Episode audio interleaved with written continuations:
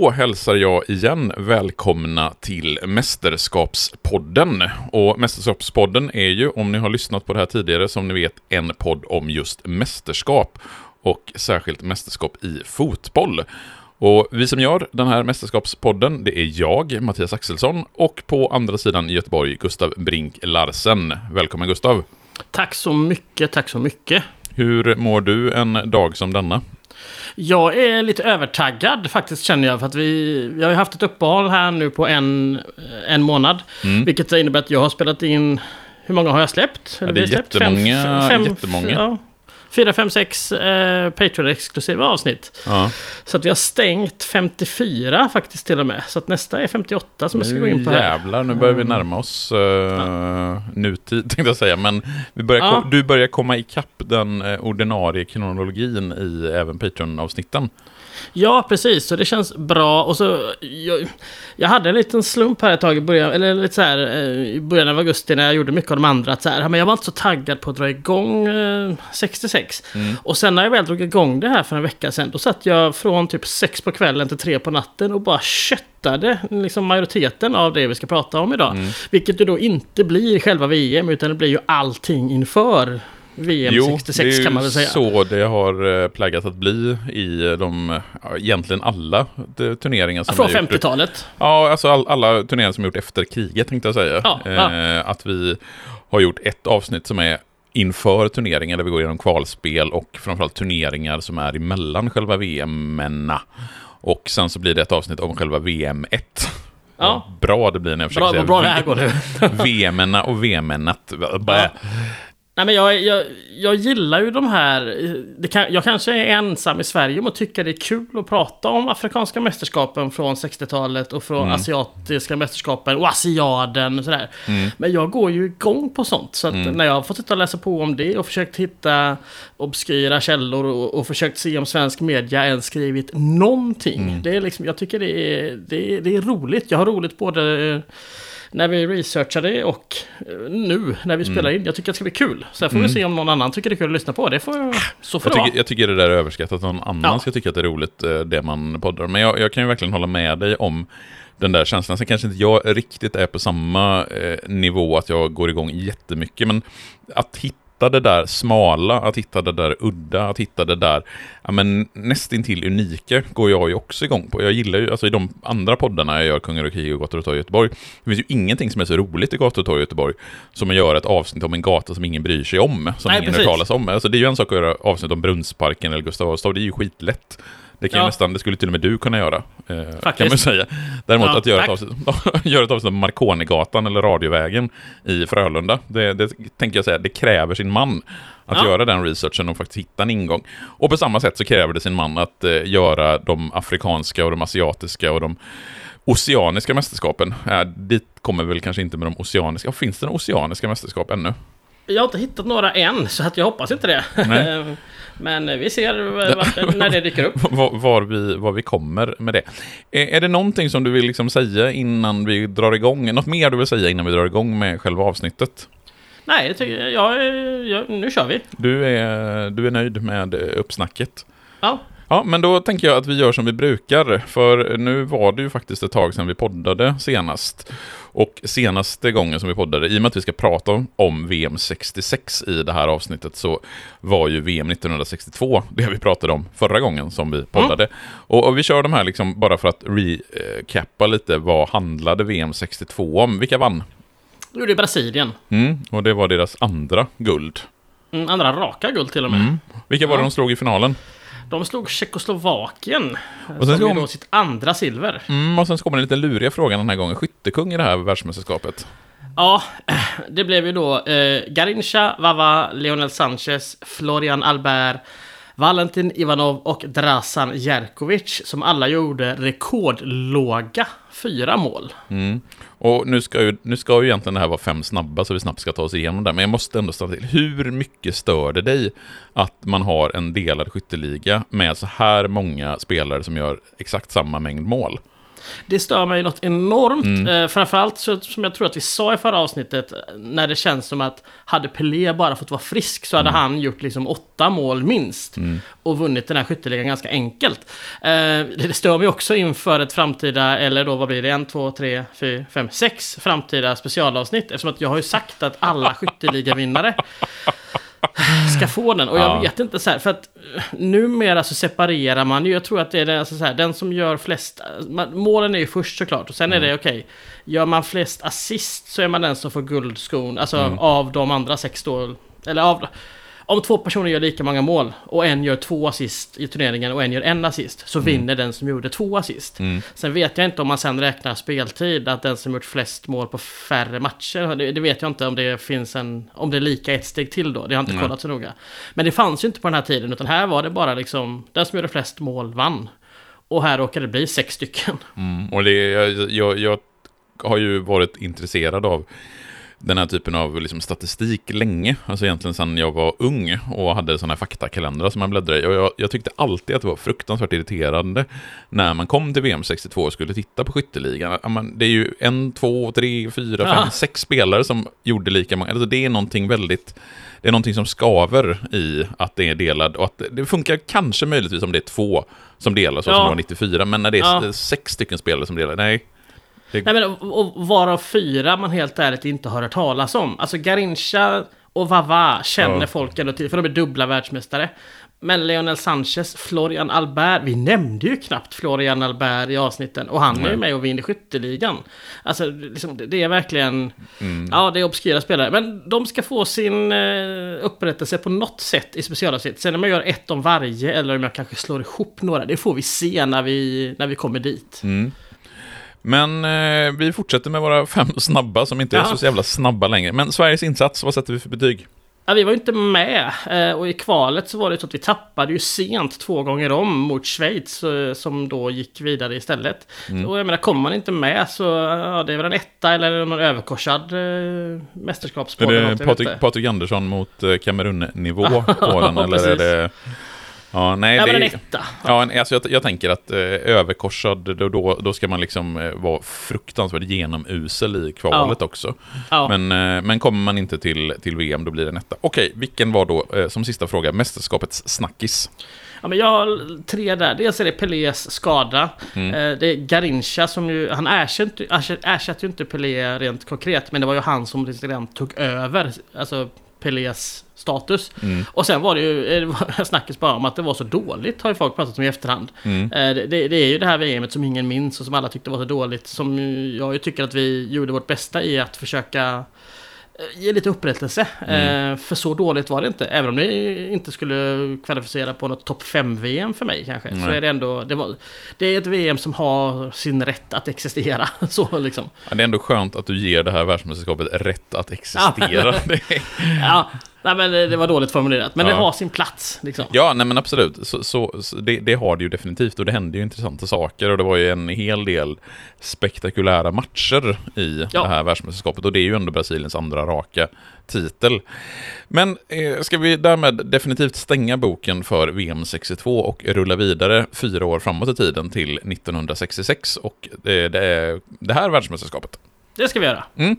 Okej, okay, men då drar vi igång med VM 1966. Och som de allra flesta tror jag, till och med de som inte är jättefotbollsintresserade vet, så hamnar ju det sex, världsmästerskapet 1966 i England. Och mm. Ska vi säga någonting? För vi brukar ju nämna någonting om processen. Varför hamnar ett världsmästerskap i ett visst land? Ja men någonstans så har det ju, det har varit sju, det här är det åttonde VMet mm. och de tidigare sju har ändå nästan fördelats broderligt då mellan Europa och Sydom, Sydamerika. Även om då sydamerikanerna var ju, de var inte helt nöjda när mästerskapen dels 38 och sen 58 båda hamnade i, i Sverige. Men det är ju någonstans de två kontinenterna som mm. är aktuella för VM-spel eller för VM-arrangemang vid den här tiden. Mm. Um, Nej, men jag, för jag, jag tänker, det, det, är ju ändå lite intressant det här att det är, alltså sen VM startar eh, 1930 så är det bara Sydamerika och Europa som har arrangerat världsmästerskapen. De andra kontinenterna, alltså Nordamerika, Afrika, Asien och Oceanien, de är ju ännu så länge inte aktuella för mästerskap. Alltså, vad, vad beror det egentligen på? Kan man fundera kring? Sen ska ju nästa världsmästerskap, ska vi säga 1970, eh, hamnar ju i Mexiko, så då flyttar vi ändå mm. upp på en ny kontinent på nord, i Nordamerika, även om alltså Mexiko är väl lite grann av ett gränsfall där. Man känner det till ju Latinamerika, visst det är Nordamerika rent geografiskt, mm, whatever. Ja men det är fortfarande spansktalande mm. delen av Amerika liksom. Eh, nej men eh, det är ju för att alltså, Europa och Sydamerika dominerar ju fotbollen. Mm. Eh, det, det, är ju någonstans så, så enkelt.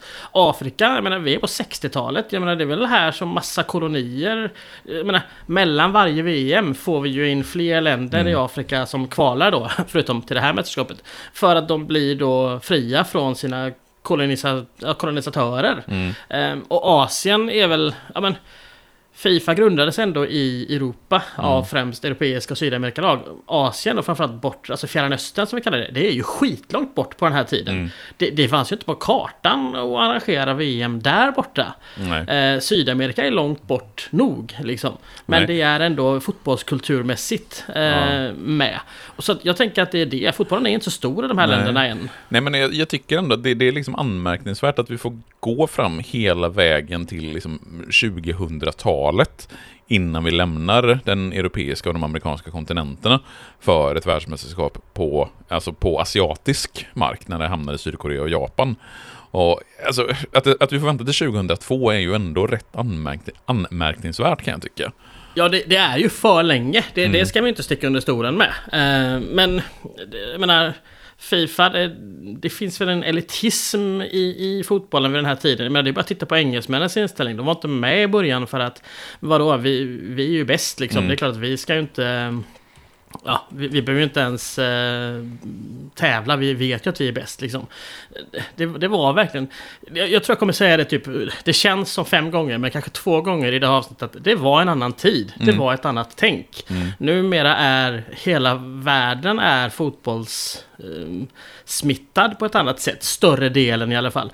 30-talet, det var inte så att fotbollen nödvändigtvis var världens största sport. Liksom. Det är den ju ändå ganska ohotat Ja, alltså, och vi, vi, har ju en helt annan typ av nivå på globaliseringen idag än vi liksom hade under eh, alltså, stora delar av 1900-talet med en global fotbollsmarknad, inte minst.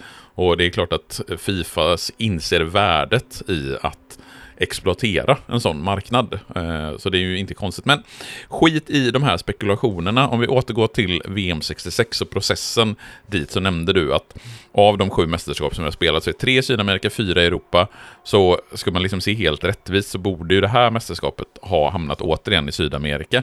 Även om Chile då hade det förra gången. Men så blev det inte och faktum är att inget sydamerikanskt land ens hade ansökt till att arrangera Nej, och jag tänker att det beror väl på att Chile hade det förra. Att liksom de insåg att det fanns ju inte en chans att Europa släpper det här. Så att det är ju England, Västtyskland och Spanien som ansöker om att få ha det. Mm. Och processen blev eh, väldigt, väldigt enkel. För omröstningen om vilka som skulle få arrangera det hölls i Rom den 22 augusti 1960. Och det är bara några dagar innan OS skulle inledas där, där vi mm. har en fotbollsturnering. Och Spanien drar sig ur precis, eller en stund före omröstningen till fördel för England England. Eh, så Västtyskland fick 27 röster och England 34. Och så var det mm. sex stycken som la ner sina röster då.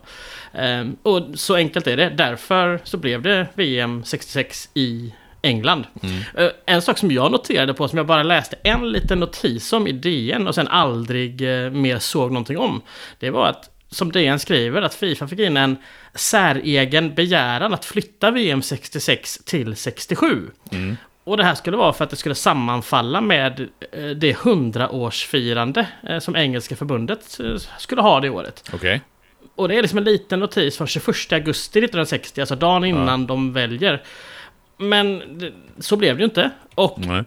för det första så blev det inte. Och för det andra, FA, engelska FA bildades 1863. Inte 1867. Så att liksom, de fyllde 100 eh, 1963, inte 1967. Så jag vet inte, är de sämre än Göteborg på att liksom fira sina 100-årsjubileum när det ska? Eller vad är grejen? Eh, men så här, jag hittade som sagt ingenting mer Nej. om det. Så att, eh, ja men... jag tyckte det var en lustifikation som var värd att nämna i alla fall. Ja, det hade varit intressant om man hade flyttat VM till 67 för att fira ett 100-årsjubileum som inte ens var ett 100-årsjubileum. Ja, nej, märkligt. Ja, nej men så klappat och klart, eh, enkelt var det. England ska arrangera VM 1966.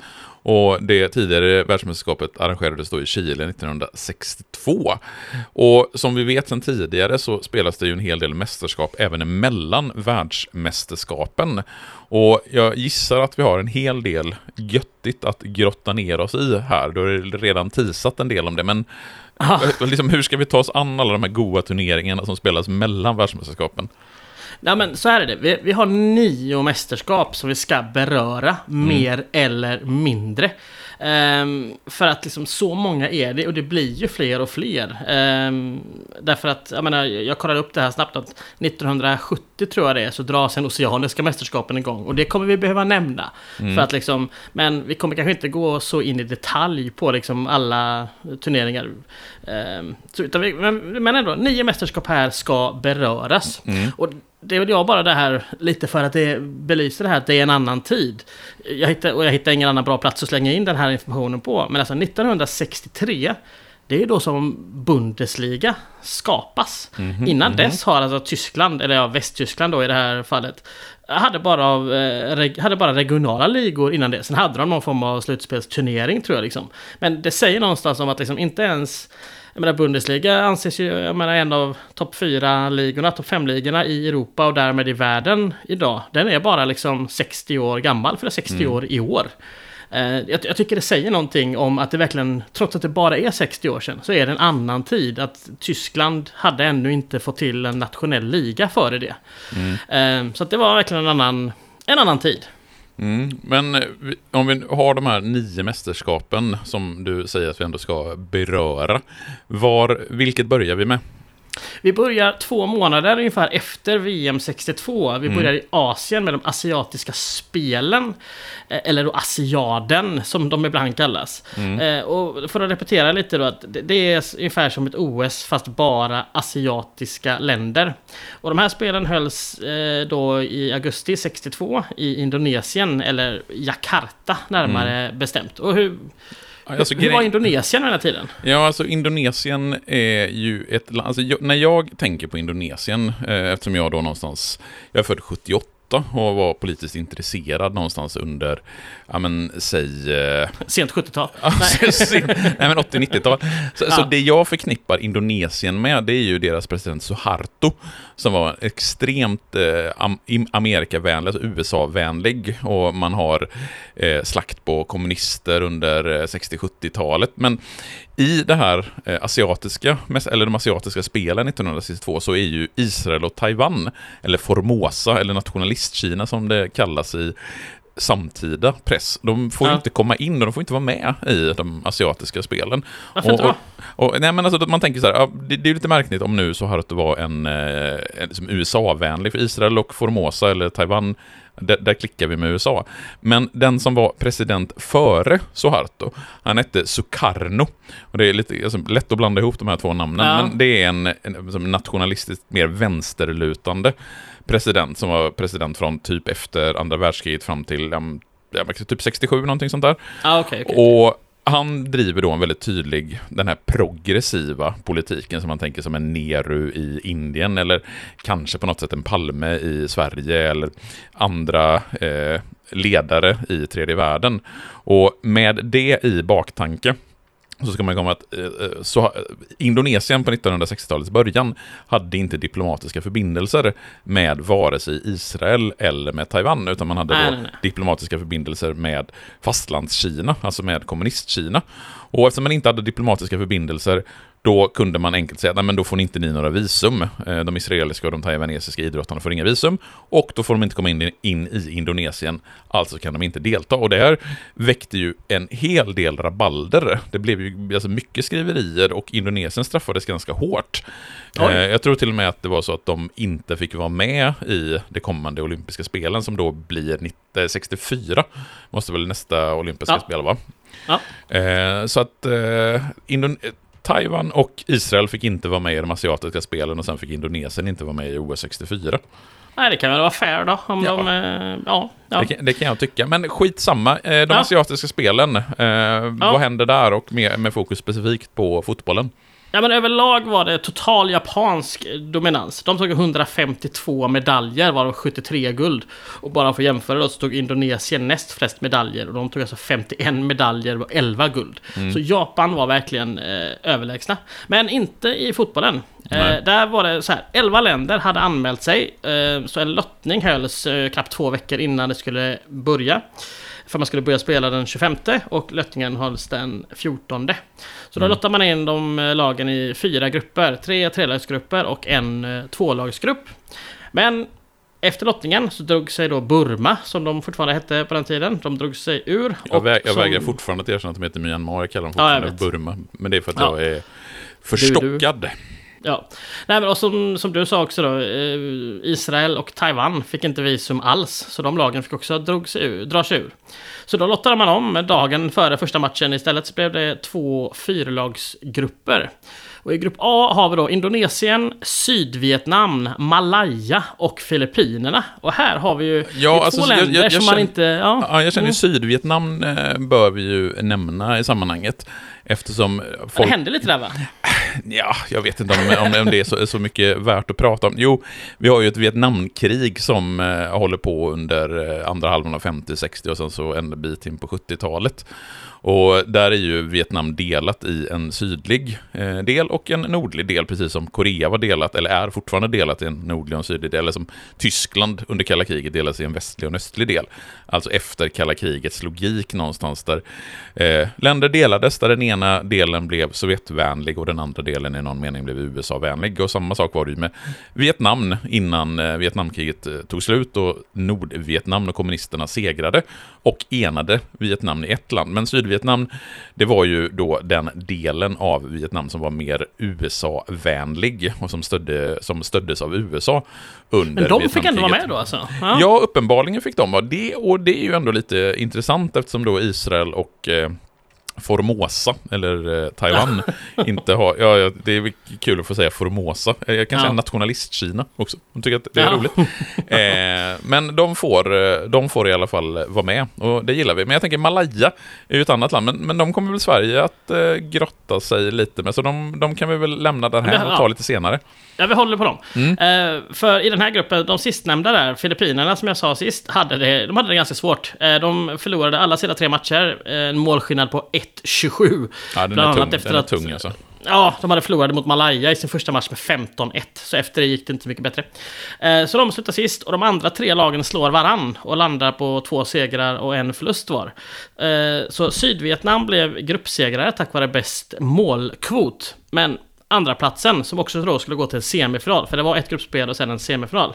Där fick man lotta om eftersom att Malaya hade målskillnaden 18-6 och Indonesien 9-3. Och man arbetar så då som sagt med målkvot och inte målskillnad. Mm. För målskillnadsmässigt är ju Malaya överlägsna. Men målkvoten har de med båda två 3,0. Mm. Eh, den är ju rolig i målkvoten. Mm. Men med någon form av ändå rättvisa så lottade man fram Malaya eh, vidare. Så att eh, hemmanationen Indonesien hade spelat färdigt efter gruppspelet.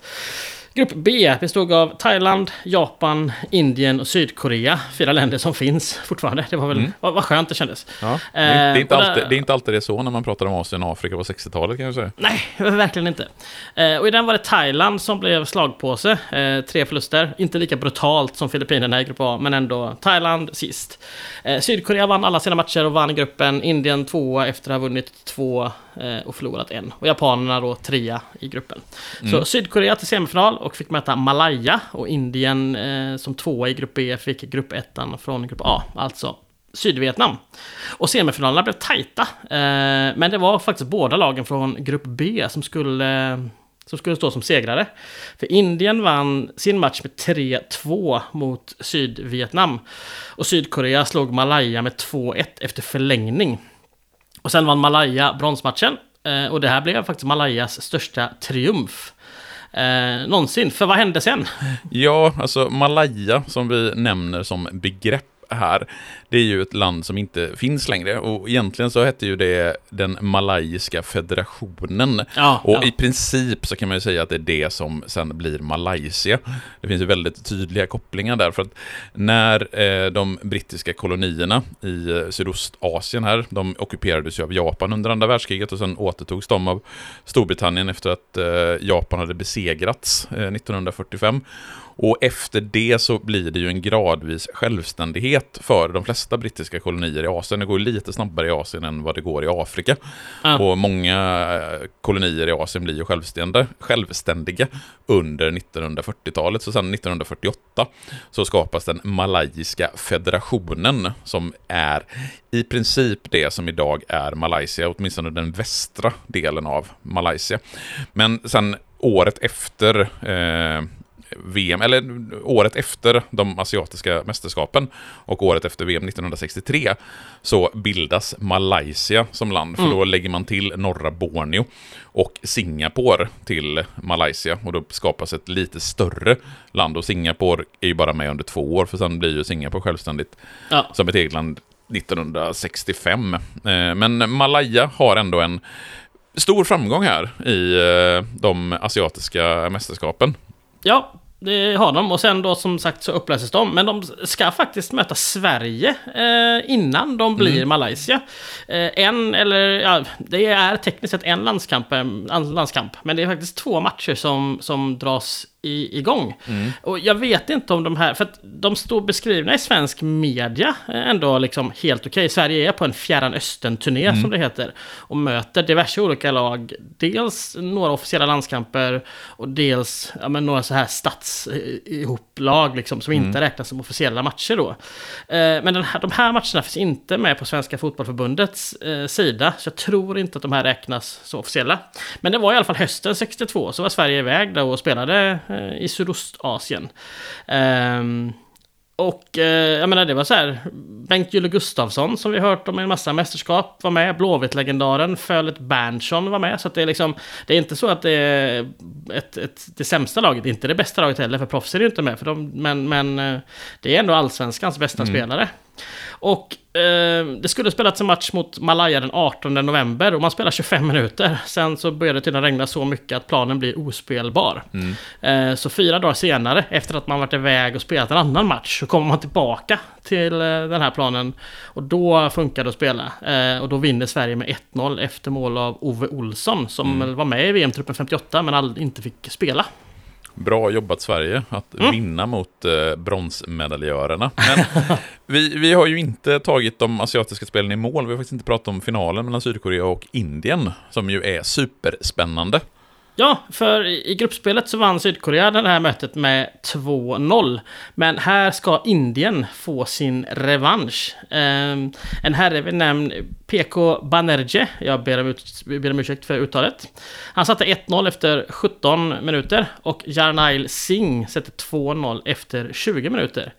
Ehm, en reducering för koreanerna, Cha Tae-sung med fem minuter kvar gör att det blir spännande, men de kommer inte ikapp och Indien tar alltså guldet i de asiatiska spelen med Sydkorea som tvåa. Ja, vi får väl säga grattis eh, till Indien för eh, deras, eh, ja, kanske största framgång i, eh, Ja, en av dem. i fotboll överhuvudtaget. Eh, Men vi förflyttar oss från Asien över till de amerikanska kontinenterna, eh, Nord- och Sydamerika. Ja, för här, här ska vi ganska kvickt prata om två mästerskap. Eh, I mars eh, 63 har vi ett sydamerikanskt mästerskap, alltså det som numera heter Copa America i eh, Bolivia. Men det här verkar vara, ja, vi har sagt det i tidigare avsnitt, att det finns en del Copa Americas som inte var officiella när de hölls och sen har liksom i efterhand uppgraderats. Jag har fortfarande inte hittat om det här var ett sånt, men det är, känslan är att det här var nog inte så jävla officiellt när det ägde rum. Eh, för det här var i Bolivia eh, och, och sju lag ställer upp och däribland då Brasilien. Men de har inte en enda spelare från VM-truppen som vi då bara var liksom, VM, VM var ju ett halvår drygt tidigare. Och, och faktum är att liksom de allra flesta, inte alla, men de allra flesta i den här brasilianska truppen, eh, de gör bara landskamper i den här turneringen och det finns knappt någon information om dem när man, man söker. Och samma sak gäller Argentina. Så att det, de skickar inte sina bästa lag. Men mm. turneringen spelades och den räknas som officiell, så vi tar den. Att sju lag, som sagt. Eh, Bolivia i mars 63 var där vi spelade. Eh, saknades gjorde, av de som brukar vara med. Det gjorde Chile som låg i någon form av konflikt med någon flod eh, med Bolivia. Mm. Jag tror att om det var Chile eller Bolivia tog ut väldigt mycket vatten ur den så att det störde det andra landet.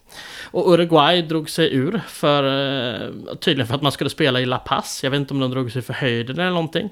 Och Venezuela ville inte vara med. Alla mötte alla en gång eh, och sen bara en sluttabell. Och de fyra lagen utanför tabellen blev eh, Brasilien som blev fyra och sen Peru, Ecuador och Colombia. Så Colombia slutade sist. Argentina tog bronset, Paraguay silvret och vinnare blev passande nog hemmanationen Bolivia. De inledde med ett kryss mot Ecuador och sen vann de sina fem kommande matcher. Och den här titeln är ju då Bolivias enda i Copa America, så därför får man väl någonstans det är väl tur för dem att den anses som officiell då, om jag säger så. Ja, det, kän det känns ju skönt att vi nämner den här turneringen också för Bolivias skull. Men ja. du sa att det skulle vara två mästerskap vi skulle nämna. Ja, den andra är en sån som jag... Ja, det är de panamerikanska spelen 63. De hölls i Sao Paulo i april och maj, alltså någon månad senare. Och det här är väl lite grann som Asiaden fast för Syd och Nordamerika. Mm. Och de här spelen, fotbollen, jag, jag, jag, har inte hittat om de officiellt är en U23-turnering. Men i alla fall de bästa lagen skickar verkligen bara ungdomsspelare upp till mm. 23. De skickar, så att liksom, därför är det så här, ska vi ta med den eller inte? Ja, vi tar med den här gången för att det händer två saker är lite roliga. Eh, spelen i stort domineras såklart av USA. De tar 199 till 208 medaljer beroende på hur man räknar. Det verkar vara lite eh, sådär. Och då har vi Brasilien tvåa med 53 medaljer. Så att vi får liksom bara få en känsla för hur, hur överlägsna USA var. Fotbollsmässigt ställde fem nationer upp eh, och även här var det att alla skulle möta alla en gång. USA kommer sist. De förlorar sina matcher, alla fyra, och har en sammanlagd målskillnad på 3-30. De förlorar med 2-10 mot Chile och 0-10 mot eh, Brasilien. Det är inget vidare ja. resultat alltså. Nej, det går sådär för USA i just eh, fotbollen. Mm. Uruguay kom fyra, de vann bara mot USA. Eh, trea kom Chile med fem poäng, tvåa Argentina med sex. Och högst upp i tabellen så hittar vi Brasilien med sju poäng. Alltså eh, tre segrar och en oavgjord. Mm. Eh, och jag som sagt, jag har inte hittat om det var en officiell U23-tävling, men det, det känns... Jag, jag, jag har kollat alla brassar och argentinare som var med och det... Alla är under 23. Mm. Men Två blivande världsmästare är faktiskt med i truppen. Och inte bara två världsmästare, utan två personer som faktiskt ska göra mål i VM-final. Mm. Dels har vi försvararen Carlos Alberto som satte 4-1 målet i VM-finalen 1970. Det är ett sånt mål som jag tror att väldigt många har sett på highlights, för det är väldigt snyggt. Brasilien spelar sig med, modernet, med moderna ögon så går det ganska långsamt, men de spelar sig verkligen hela vägen upp. Um, och sen är det Pelé som står strax utanför straffområdet och vinklar ut en passning till Carlos Alberto som ju är högerback då. Han kommer dundrande och med en form av vrist slash yttersida drar in det i bortre hörnet. Det är ett, ett riktigt snyggt mål. Och sen har vi också Jairzinho som han typ snubblade in 3-1 målet i samma VM-final. Eh, och ni patrons som har lyssnat på avsnittet om eh, skyttekungen från 54, Sandor Kocic. Ni har hört Jairzinhos namn där. Och så behöver vi inte säga så mycket mer om det eh, just nu. Nej, vi går vidare till ytterligare ett mästerskap och eh, förflyttar oss till ytterligare en kontinent. Eh, och vi pratade ju om eh, avkoloniseringen tidigare och att länderna i Asien eh, tenderar att bli självständiga från sina kolonialherrar tidigare under 40 och 50-talet. Men när vi kommer fram här nu, 1963 spelas de afrikanska mästerskapen, så har vi ju ändå ganska många länder i Afrika som faktiskt har blivit självständiga. Alltså länder som eh, Kongo-Kinshasa, Madagaskar, Somalia, Kamerun, Senegal, Burkina Faso, eh, Centralafrikanska republiken, Gabon, Sierra Leone, Rwanda, Burundi. Det, det alltså, händer en del. Ja, det hände jättemycket här i början på 1960-talet.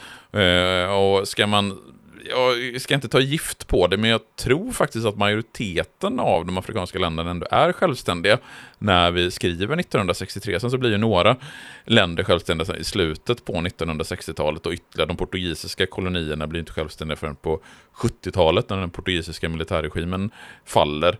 Men ändå så är det inte så många eh, länder som är med i den här turneringen. Eh, nej, det, nej, det är det inte. Och, nu gissar jag, så killgissar jag, men det är väl för att de inte, de är väl inte redo än. De har väl kanske inte hunnit sätta upp så mycket fotbollförbund i sina länder om de är... Det har väl inte varit prio, tänker jag, nej, när man har nej, varit nej, koloniserade. Alltså, blir man självständig 1961 så kanske man inte har som prioritet att ställa upp i de afrikanska mästerskapen 1963 i första hand. Nej, men så här, det här är den fjärde upplagan av Afrikanska mästerskapen och vi har haft tre respektive fyra lag med i de tidigare tre turneringarna. Och den här gången får vi ändå med sex lag. Um, Etiopien och eh, då Förenade Arabrepubliken, vilket i det här fallet då är, det är Egypten, fast de heter fortfarande Förenade Arabrepubliken. De har varit med i samtliga. Eh, Sudan är med här för tredje gången och Tunisien för andra. Och sen är det Nigeria och Ghana som vi hälsar välkomna som eh, debutanter och det är Ghana som är värdar för mästerskapet. För faktum är att vi, vi precis som förra gången, faktiskt får ett kval, så fler lag hade kunnat vara med. Men jag tänker att man, man hade väl inte möjlighet att arrangera för för stora turneringar Nej. än. Ehm, men Ghana och Etiopien är direkt kvalificerade, då arrangör, de är arrangörer och regerande mästare.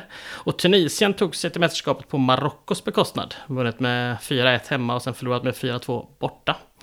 Egypten gick vidare utan spel, för Uganda drog sig ur. Eh, Sudan slog Kenya med sammanlagt 6-0. Och slutligen så skulle Nigeria kvalificera sig. De kryssade först hemma mot Guinea och sen förlorade man med 1-0 borta. Mm. Och eh, det låter jätterimligt att Nigeria kvalificerar sig genom att först spela oavgjort och sen torska. Borde inte det rimliga att Guinea ändå går vidare från den här matchen? Det tycker man, men eh, Guinea, här, om det hade varit rimliga så hade det kanske varit ännu rimligare om Guinea hade lyckats få fram eller brytt sig om att få fram neutrala domare. För det hade man inte lyckats med. Så de diskas i efterhand för att det var helt enkelt domare från hemifrån som dömde matchen på hemmaplan. Eh, och sen, åh, jag vet inte om det liksom var så att okej, okay, vi fick inte tag i någon eh, och man bara spelade ändå och chansade. Eller om det var ett medvetet försök att luras, det, det vet jag inte. Men eh, Guinea åker ut på det och Nigeria till mästerskapet då. Mm. Och själva mästerskapet är ganska enkelt. För de, de sex lagen delas in i två trelagsgrupper. Tvåan, eller segrarna i grupperna går till final. Tvåorna går till en bronsmatch. Ehm, grupp A, där har vi Ghana, Etiopien och Tunisien. Och Ghana och Tunisien kryssar. Sen slår Ghana Etiopien. Och Tunisien har ju då chansen att nå finalen om de slår Etiopien med mer än två mål. Men man förlorade och slutade sist. Så då blir det alltså Etiopien till bronsmatch och hemmanationen Ghana till final. Och i grupp B hade vi då Sudan, Egypten och Nigeria. Eh, Egypten inledde med att slå Nigeria med 3-0 innan de kryssar mot Sudan. Och det innebär att då Sudan kan nå finalen genom att vinna med fyra eller fler mål mot Nigeria. Och precis det gjorde man. Man vann med exakt 4-0. Och därför gick då Sudan till final. Mm. Så bronsmatchen vann Egypten sen med 3-0. Eh, och samma resultat vann hemmanationen Ghana finalen med mot Sudan. Så Ghana tar sin första titel i de afrikanska mästerskapen och det skulle bli mer av den varan senare. Mm. Grattis till Ghana. Och vi tar oss därmed vidare till en turnering som jag överhuvudtaget inte hade hört talas om, men var definitivt tvungen att kolla upp hur fasen jag skulle uttala det här. men det heter alltså Taza de Nações. Är det så det ska uttalas? Taza de Nações, det är portugisiska. Ja. Eller ja. Lilla VM, eh, om man ja. översätter det. Vad är Taza de Nações för... Taza das Nações. Ska det tydligen ja, vara. Taza das Nações. Jag tror att den har någonstans också, också kallats Mundialito. Men det finns mm. ett Mundialito 1980 sen som är ännu roligare. Men det här är då lilla VM. Eh, och det är en rolig liten turnering som spelades under en vecka i slutet av maj och början av juni 1964. Mm. Man höll till i Brasilien, i Rio de Janeiro och Sao Paulo. Och Anledningen till själva turneringen är egentligen tvådelad. Dels är det för att fila, fila dels är det för att fira eh, att brasilianska fotbollsförbundet fyllde 50. Och dels var det också tänkt att turneringen skulle visa upp lagen som var favoriter till VM två år senare. Och sen kanske man får ta det där sista lite med en, med en nypa salt. För ja, mm. Brasilien, dubbla regerande världsmästare. Men England, ja visst de är ju hemmanation, men de hade samtidigt åkt ut i VM-kvartsfinalen 62. Och Argentina hade åkt ut redan i gruppspelet. Och sen tror jag i och för sig att det inte var tanken att det skulle vara Portugal, för det skulle varit Italien, som mm. inte heller kanske går att argumentera för att de var... Ja. Men i alla fall, det blir Portugal, och de har ju inte ens varit i ett VM eh, än så länge. Och de har ju inte ens kvalificerat sig till VM 66 Nej. än. Men i Portugal har ju en viss herre vid namn Eusebio gjort entré och Benfica har ju då vunnit Europacupen både 1961 och 62. Så det var verkligen liksom en portugisisk fotboll på uppgång. Och trupperna till det här mästerskapet som lagen skickar, de är bra. Det var kanske inte alla de bästa spelarna, men eh, ja, de är ändå bra.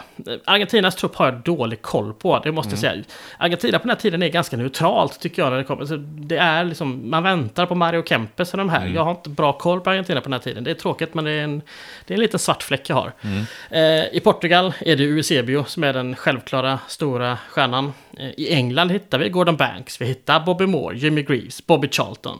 Och i Brasilien hittar vi då Carlos Alberto och Jairzinho som ju då skulle göra mål i finalen 70 sen. Och vi har Gilmar, målvakten från både 58 och 62. Vi har Vava, vi har Zagallo och vi har Pelia.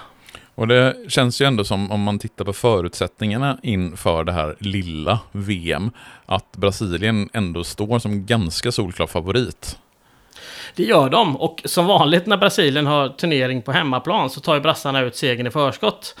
Det finns rykten om att eh, deras förbund har graverat in eh, de brasilianska spelarnas namn på klockor så de skulle få den här segern. Och givetvis eh, ska det då bli så att de inte vinner. Här är ju referensen då till VM 50 när de hade skrivit en sång och det var det, ja, ni, ni minns det. Mm. Eh, för istället var det de, kanske de är lite mer anonyma spelare. Det, det var Argentina som skulle ta hem detta. Mm. För det var en enkel turnering, alla skulle möta alla en gång. Och den inleds med att Brasilien totalt kör över England. De vinner med 5-1. Eh, engelsmännens målskytt, Tottenham-stjärnan Jimmy Greaves, han sa efter matchen att Pelle is another, is, is, äh, förlåt, Pelle is on another bloody planet. Och mm. det har han ju typ rätt i. Mm. Eh, Argentina vinner över Portugal med 2-0 innan brassarna chockas av Argentina och förlorar med 3-0. England och Portugal spelar 1-1 och det blir båda lagens enda poäng. Och de slutar exakt lika i den här turneringen mm. med en poäng och 2-7 i målskillnad. Argentina säkrar sen segern i den avslutande, eller den näst sista matchen, då man slår England med 1-0. Brasilien avslutar sen turneringen med att slå Portugal med 4-1. Eh, men det var Argentina som vann. Mm. Är det något annat vi ska ta med oss från den här turneringen? Ja, det var det som finns att minnas är att det, var lite våldsamt eh, vid ett par mm. tillfällen. Eh, Portugals José Terres, han försökte slå domaren när, eh, ja, när domaren underkände ett portugisiskt mål mot England. Han visades givetvis ut eh, och det pratades om så här en livstidsavstängning, mm. men han kom undan helt. Och faktum är att drygt 20 år senare så var det just José Terres som var förbundskapten för det Portugal som slog Västtyskland borta i kvalet 86. Alltså det vi pratade om där Robert Prytz och Glenn Strömberg de sitter och lyssnar på radio.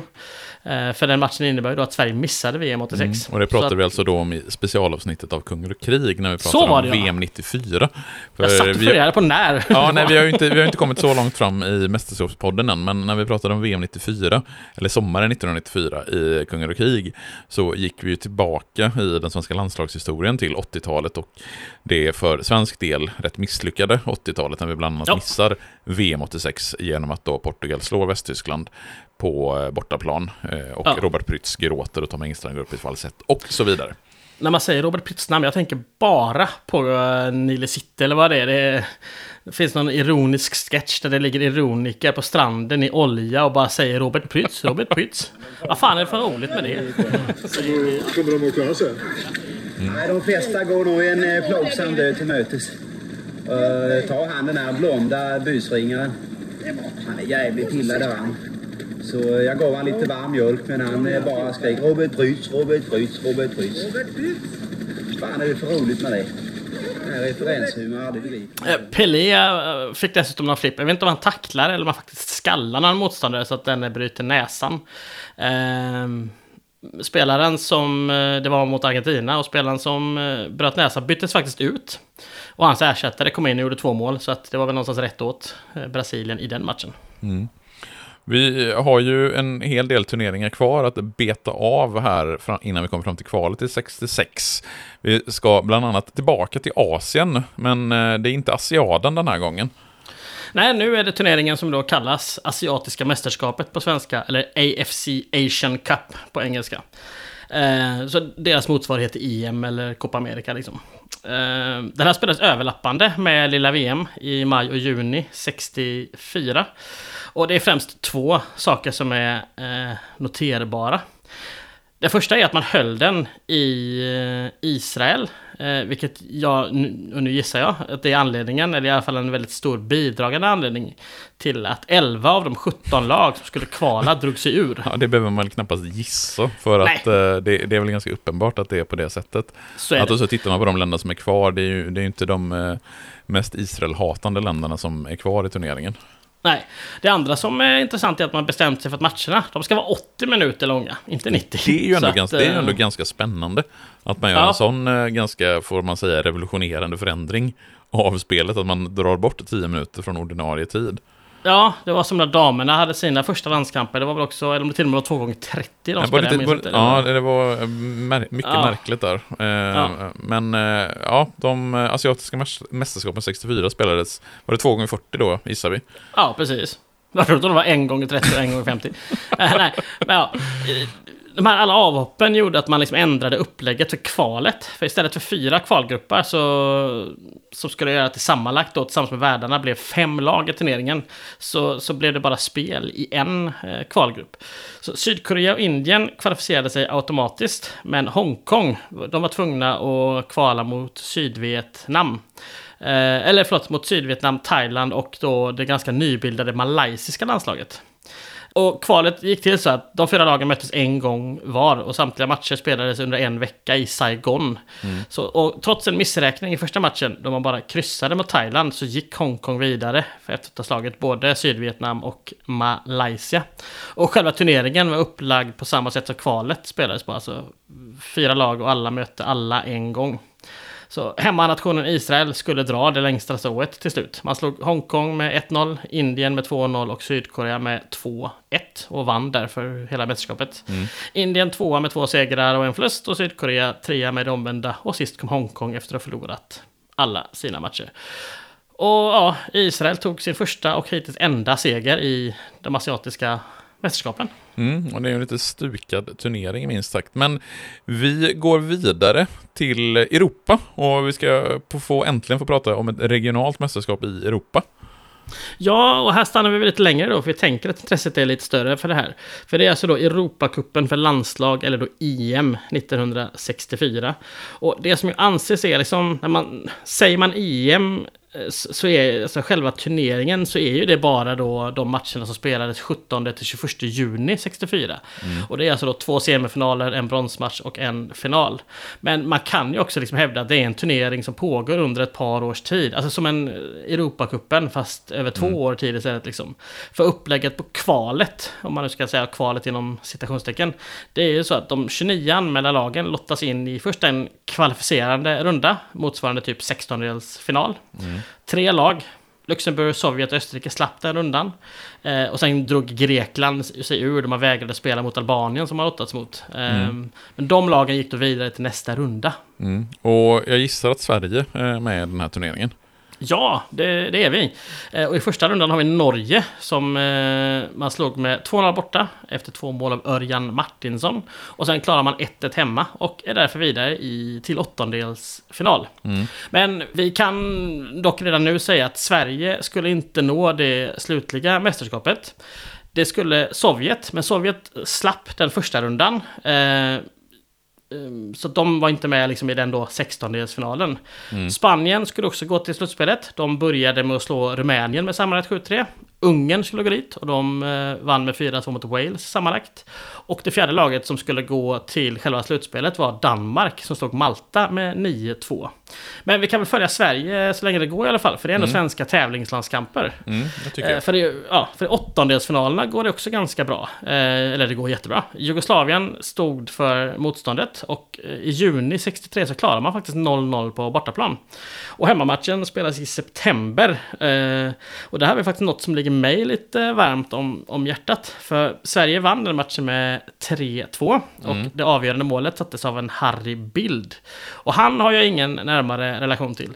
Men Sveriges första två mål gjordes av Smögensonen Örjan Persson som vid den här tiden spelade i ÖIS men som året efter skulle bli proffs i först Dundee United och sen flyttade till Rangers och faktiskt spelade tillsammans med ingen mindre än Sir Alex Ferguson. Mm. Jag är ju också halvsmögare så därför är ju Örjan Persson ett namn som ringer lite extra mm. i mig.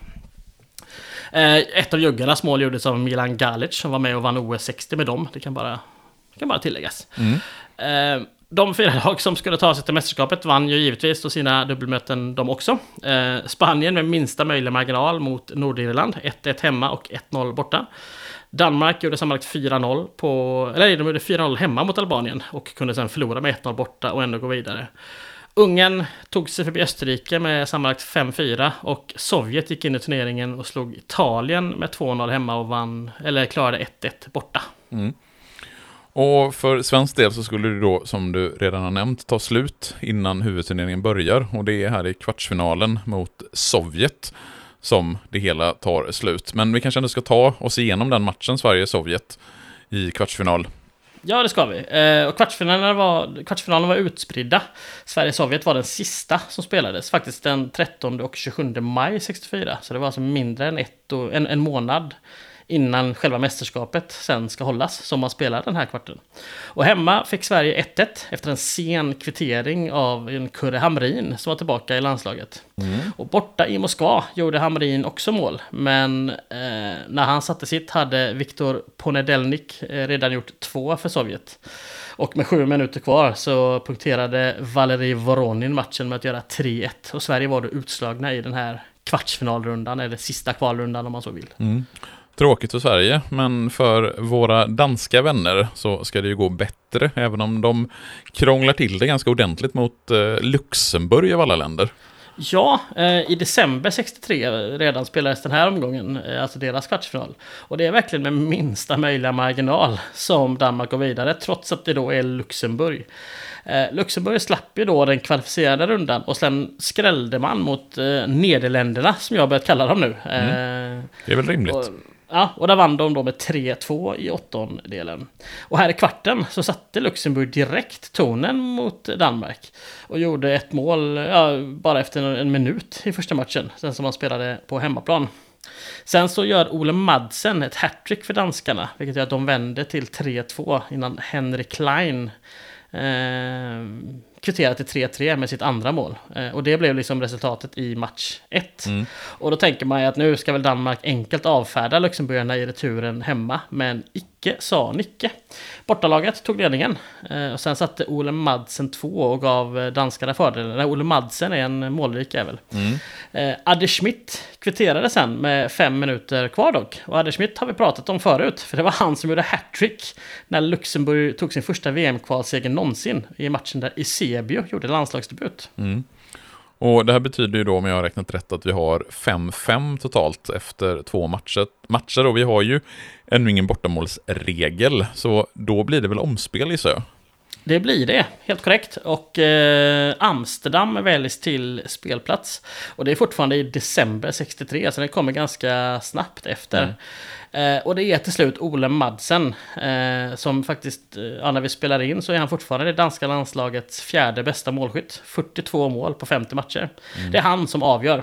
Han gjorde matchens enda mål fyra minuter före halvtidsvilan. Och Danmark gick alltså till EM-slutspelet med absolut minsta marginal. Och det här är också, Luxemburg har ju aldrig varit så nära att nå ett VM eller EM, vare sig förr eller senare, som den här gången. Mm. Ja, det är ändå lite fascinerande att Luxemburg, det, det, här måste ju ändå ses som en stor framgång i den luxemburgska fotbollshistorien. Europacupen över landslag 64, att man ändå tar sig till vad man då får beskriva som en kvartsfinal. Mm. Eh, men Danmark är vidare till slutspelet, Sovjetunionen är vidare till slutspelet. Det är ytterligare två lag som vi ska ha med oss till slutspelet. Mm. Eh, hur tar de sig dit? Ja, men Spanien går vidare från kvarten lite enklare. Man hemma slår Irland med 5-1 och sen vinner man med 2-0 borta. Eh, och Ungern eh, å sin sida avfärdade Frankrike 3-1 borta och 2-1 hemma. Så vi hade alltså då som sagt Danmark, Spanien, Ungern och Sovjetunionen till de här semifinalerna. Och till spelplats så valdes Spanien där eh, Santiago Bernabéu i Madrid och Nou Camp i Barcelona var de två arenor som skulle användas. Eh, och Sovjet var ju det enda lag som varit med eh, tidigare och de vann ju till och med det första EMet då 1960. Och att de var med var inte helt okontroversiellt. Eh, för den med bra minne minns ju att Franco vägrade ju låta sitt Spanien möta Sovjet i kvartsfinalen då i EM 60, alltså sista mm. kvalrundan. Men den här gången så tillät han ju då spel och till och med att Sovjet, att, de kom till Spanien. Mm. Eh, och utöver Sovjet, som alltså var med fyra år tidigare, så var ju det var första EMet för de andra fyra lagen. Och för Danmark, det var, de var ju den stora skrällen, för de, eh, de ansågs ju inte vara så här bra. Eh, och någonstans här tog det också stopp för danskarna. Eh, man lottades mot Sovjet i semifinalen och var chanslösa. Eh, Valeri Voronin, Viktor Ponedelnik, och, eh, eller Ponedelnik och skyttekungen då från 62, Valentin Ivanov, satte varsitt mål. Och Sovjet vann med 3-0 och Sovjet är, ja, gick till final. Betydligt jämnare den andra semifinalen. Eh, Chus Pereda, eller hur det ska uttalas, eh, gav Spanien ledningen i första halvlek. Men Ferenc Bene kvitterade med sex minuter kvar och det blev förlängning. Och hade den slutat mållöst så hade man lottat fram en vinnare. Men tack och lov så behövdes inte det. För Real Madrids högerytter Amancio, som faktiskt avled så sent som i februari i år då, 2023. Han klev fram och avgjorde matchen med åtta minuter kvar av förlängningen. Som, eh, ja, hemmalaget Spanien gick till final medan Ungern fick spela bronsmatch mot Danmark. Mm. Och den bronsmatchen skulle, eh, skulle Ungern ta hem, även om det blev jämnare än man kanske kanske trodde. Bene gjorde mål igen då han eh, gav Ungern en tidig ledning. Eh, med sex minuter kvar kvitterade dock Carl Bertelsen, eller Carl Bertelsen. Okay. Yeah. Eh, yeah. Och vi fick förlängning. Eh, men återigen så slipper vi tack och lov lottning för högerbacken Dejo Novak skulle kliva fram. Han satte straff i 107 och 3-1 eh, smällde han in en stund senare och saken var därmed klar. Ungern tog brons. Yes, och vi har en final, final en final, final. i det här andra Europacupen eh, för landslag. Mm. Den spelas ju då på Santiago Bernabéu den 21 juni 1964 och det kommer ungefär 80 000 åskådare, så det är bra, bra siffror. Mm. Samme Pereda, som gjorde mål i förra matchen, klev fram igen och gav spanjorerna en tidig ledning. Sex minuter har det bara gått upp. Eh, men den hölls ju bara i två minuter. Sen kvitterade Sjusanjov eh, med ett förnamn som jag inte tänker ge mig på. Men mål i så här matchminut 80 någonting var en gångbar i det här mästerskapet. Eh, för det föll faktiskt ett mål per match i ja, matchminut 80 någonting. Mm. Den här gången var det Marcelino Martinez som höll sig framme och satte 2-1 i den 84 minuten. Och fler mål skulle vi inte få, utan Spanien tog hem sin första EM-titel i det andra Europamästerskapet. Mm. Och då har vi faktiskt bara två turneringar kvar innan vi Aha. äntligen får prata om kvalet till VM 1966. Ja. Och en av de turneringarna vi ska prata om är ju de olympiska spelen som 1964 hålls i Tokyo. Men mm. betydligt senare än vad som är brukligt. Man eh, får vänta in på hösten innan det blir något olympiskt spel i Tokyo. Ja, ända till oktober. Eh, och det har ju sina, ja men bokstavligt talat, sina naturliga orsaker. Tokyo är eh, på sommaren väldigt varmt och har väldigt hög luftfuktighet. Och september är tyfonsäsong. Så att mm. eh, då vill man inte heller ha ett, eh, ha ett OS. Och det finns såklart jättemycket jättemycket som är värt att prata om kring de här spelen om vi hade varit OS-podden. Mm. Men det är vi ju dock inte. Jag vill bara då nämna, så här, jag som gillar kuriosa, jag vill nämna det faktum att Zambia förklarade sig självständiga under spelens sista dag. Och de är därför det enda lag hittills i OS som gått in som ett land och sen lämnat det som ett annat land. Och det har ändå någonting tycker jag. Att man kommer in som ett land och går ut som ett annat. Ja, det är en fantastisk eh, kuriosa. Eh, får man väl ändå säga. Det, det är ju väldigt, väldigt roligt. En, det, det, det, omöjliga quizet-fråga liksom. Vilket Ja, land är det? Ja, nej men precis. Och, men, men ska vi fokusera kanske på fotbollen i Ja. det här olympiska spelet då? För det är ju ändå en fotbollspodd som vi Ja. gör. Ja, men det alltså ett kval. Men det, vi, vi, vi behöver inte ta det i detalj, utan vi gör några nedslag. För fem lag skulle kvala in från Europa, utöver Jugoslavien, som då redan var med i egenskap av regerande mästare. Ett eh, ja, enat tyskt lag, inom citationstecken, som bara bestod av spelare från Östtyskland, eh, slog ut Sovjet och tog sig till spelen. Och även Rumänien, Ungern, Tjeckoslovakien och Italien kvalade in. Men Italien diskvalificerades för de hade använt proffs i kvalet. Och OS är som bekant inte en proffsturnering utan en eh, amatörturnering. Eh, Polen fick möjlighet att ersätta men tackade nej. Mm. Och här kan så det ju vara bara lite intressant, vi kan ju säkert ha varit inne på det här att den olympiska fotbollen domineras ju väldigt mycket av öststatslagen. Verkligen. Alltså vi har Rumänien från östblocket, vi har Ungern från östblocket, vi har Tjeckoslovakien från östblocket, vi har förvisso ett ena Tyskland, men det är bara spelare från Östtyskland och det har ju sina naturliga orsaker i att de, så att säga, citat professionella spelarna från öststaterna är ju inte professionella. Eh, Så att de kan ju ställa upp med ett bättre lag än vad... Ja, eh, ja eller så här, de, de, är, de är ju amatörer fast de är ju inte amatörer. Liksom. Ja, ja De- nej men precis. Ja, så, får man, så får man ju säga det. Eh, Ja, att, de är, att de är inte... Nej, precis. Exakt så. Som du sa fast tvärtom. Ja, precis. Som jag sa, fast tvärtom. Jag rörde Ja. ihop det lite. Nej, eh, nej men precis. De Ja. är ju amatörer utan att vara amatörer. Helt Ja, riktigt. precis. Och, Och så är det ju bara liksom. Det är bara... Ja. Och jag, vet inte, det, det kommer vara snack senare i VM 66 om doping och hit och dit. Det var i och för sig med i Västtyskland, men, men ja, vad, vad pågick bakom järnridån? Ingen vet. Och därför ska vi inte heller kanske insinuera för mycket om det. Men jag tycker ändå så här, 60 år senare kan det vara värt att bara liksom... Det, det, kan vara värt att slänga ut en liten hint om det. Sådär. Och så går vi vidare. Ja, Ja, Nord och Centralamerika fick en plats och den tog Mexiko. Eh, ja, vi går vidare från det. Afrika hade faktiskt tre platser och hela elva lag slåss om dem. Eh, och där har vi då Marocko, Egypten och Ghana som tar sig vidare. Eller förlåt, Förenade Arab... Eh, republiken. Ja, men jag säger Egypten för Mm. att det, det är ju det. Asien har tre platsen, platser även de. Eh, och till spelen gick Iran samt både Nord och Sydkorea. Mhm. Eh, men Nordkorea drog sig ur hela spelen för att ett antal av deras atleter inte fick visum in i Japan. Så, så kan det gå. Och sen slutligen, det vi måste prata lite mer om, det är det sydamerikanska kvalet. För sju lag slogs om två eh, platser. Och man arrangerade den här kvalturneringen till OS i maj 64. Alla skulle möta alla en gång och de två främsta skulle gå till OS. Ehm, och det här måste jag säga att det här, när jag läste på om det här, det berörde mig mer på ett sätt som jag inte Alltså, det, det berörde mig mer än vad jag trodde det skulle göra. För jag brukar kunna läsa om... För det, det är en läktarkatastrof vi ska komma till. Och jag brukar kunna läsa om katastrofer och på något sätt ändå distansera mig. Att det liksom, Jag tar in vad som sägs intellektuellt och ja, men, nyktert på något sätt då. Men, men emotionellt brukar det inte alltid påverka mig. Och jag, jag vet inte om det är för att liksom jag själv har säsongskort på Gamla Ullevi och är på fotboll där. Och jag har haft med min son där några gånger som gör att liksom det här tar extra.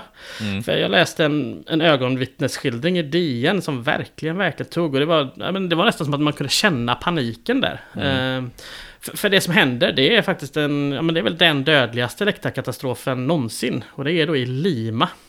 Så det var den 16 matchen i det här eh, OS-kvalet. Det skulle bli 21 matcher. Eh, Argentina har satt sig i en väldigt god sits. De har fyra raka segrar. Men Peru låg också bra till just i spelande stund på andra plats. Men man hade en svår match mot Brasilien senare och de skuggade med marginellt sämre målskillnad och någon match mindre spelad. Så liksom en poäng för Peru mot Argentina, det hade gjort stor skillnad. Och argentinarna är i ledningen med 1-0, men med bara några minuter kvar så kvitterar eh, Peru. Mm. Och man, eh, ja, man har ju då den här viktiga poängen i sin hand. Men den uruguayanske domaren, han underkänner det här målet. Och Mm. det blev inte populärt bland hemmapubliken. Och till att börja med så är det två åskådare som hoppar in på planen för att ge sig efter domaren. Och de blir verkligen brutalt stoppade av, av polisen och slagna av polisen på ett sätt, alltså på, på liksom ett överdrivet sätt. Mm. Eh, och domaren väljer då att blåsa av matchen, att säga att den är slut. Och eh, det tillsammans med polisen då behandlade de här två som hoppat in. Det retade upp folk ännu mer och fler människor stormar planen och, och polisen lyckas visserligen eskortera ner domaren till omklädningsrummet. Eh, och, och, men, men liksom i sina, ja, vad ska man säga, fortsätter försöka hålla ordning så börjar man dels skjuta med sina pistoler och dels kasta tårgasbomber. Och tårgasen orsakar panik på den norra läktaren och folk börjar fly ner mot grindarna. Men eftersom att matchen då, alltså den, den är ju tekniskt sett, eller tidsmässigt är den ju inte slut. Nej. Så de här grindarna är låsta.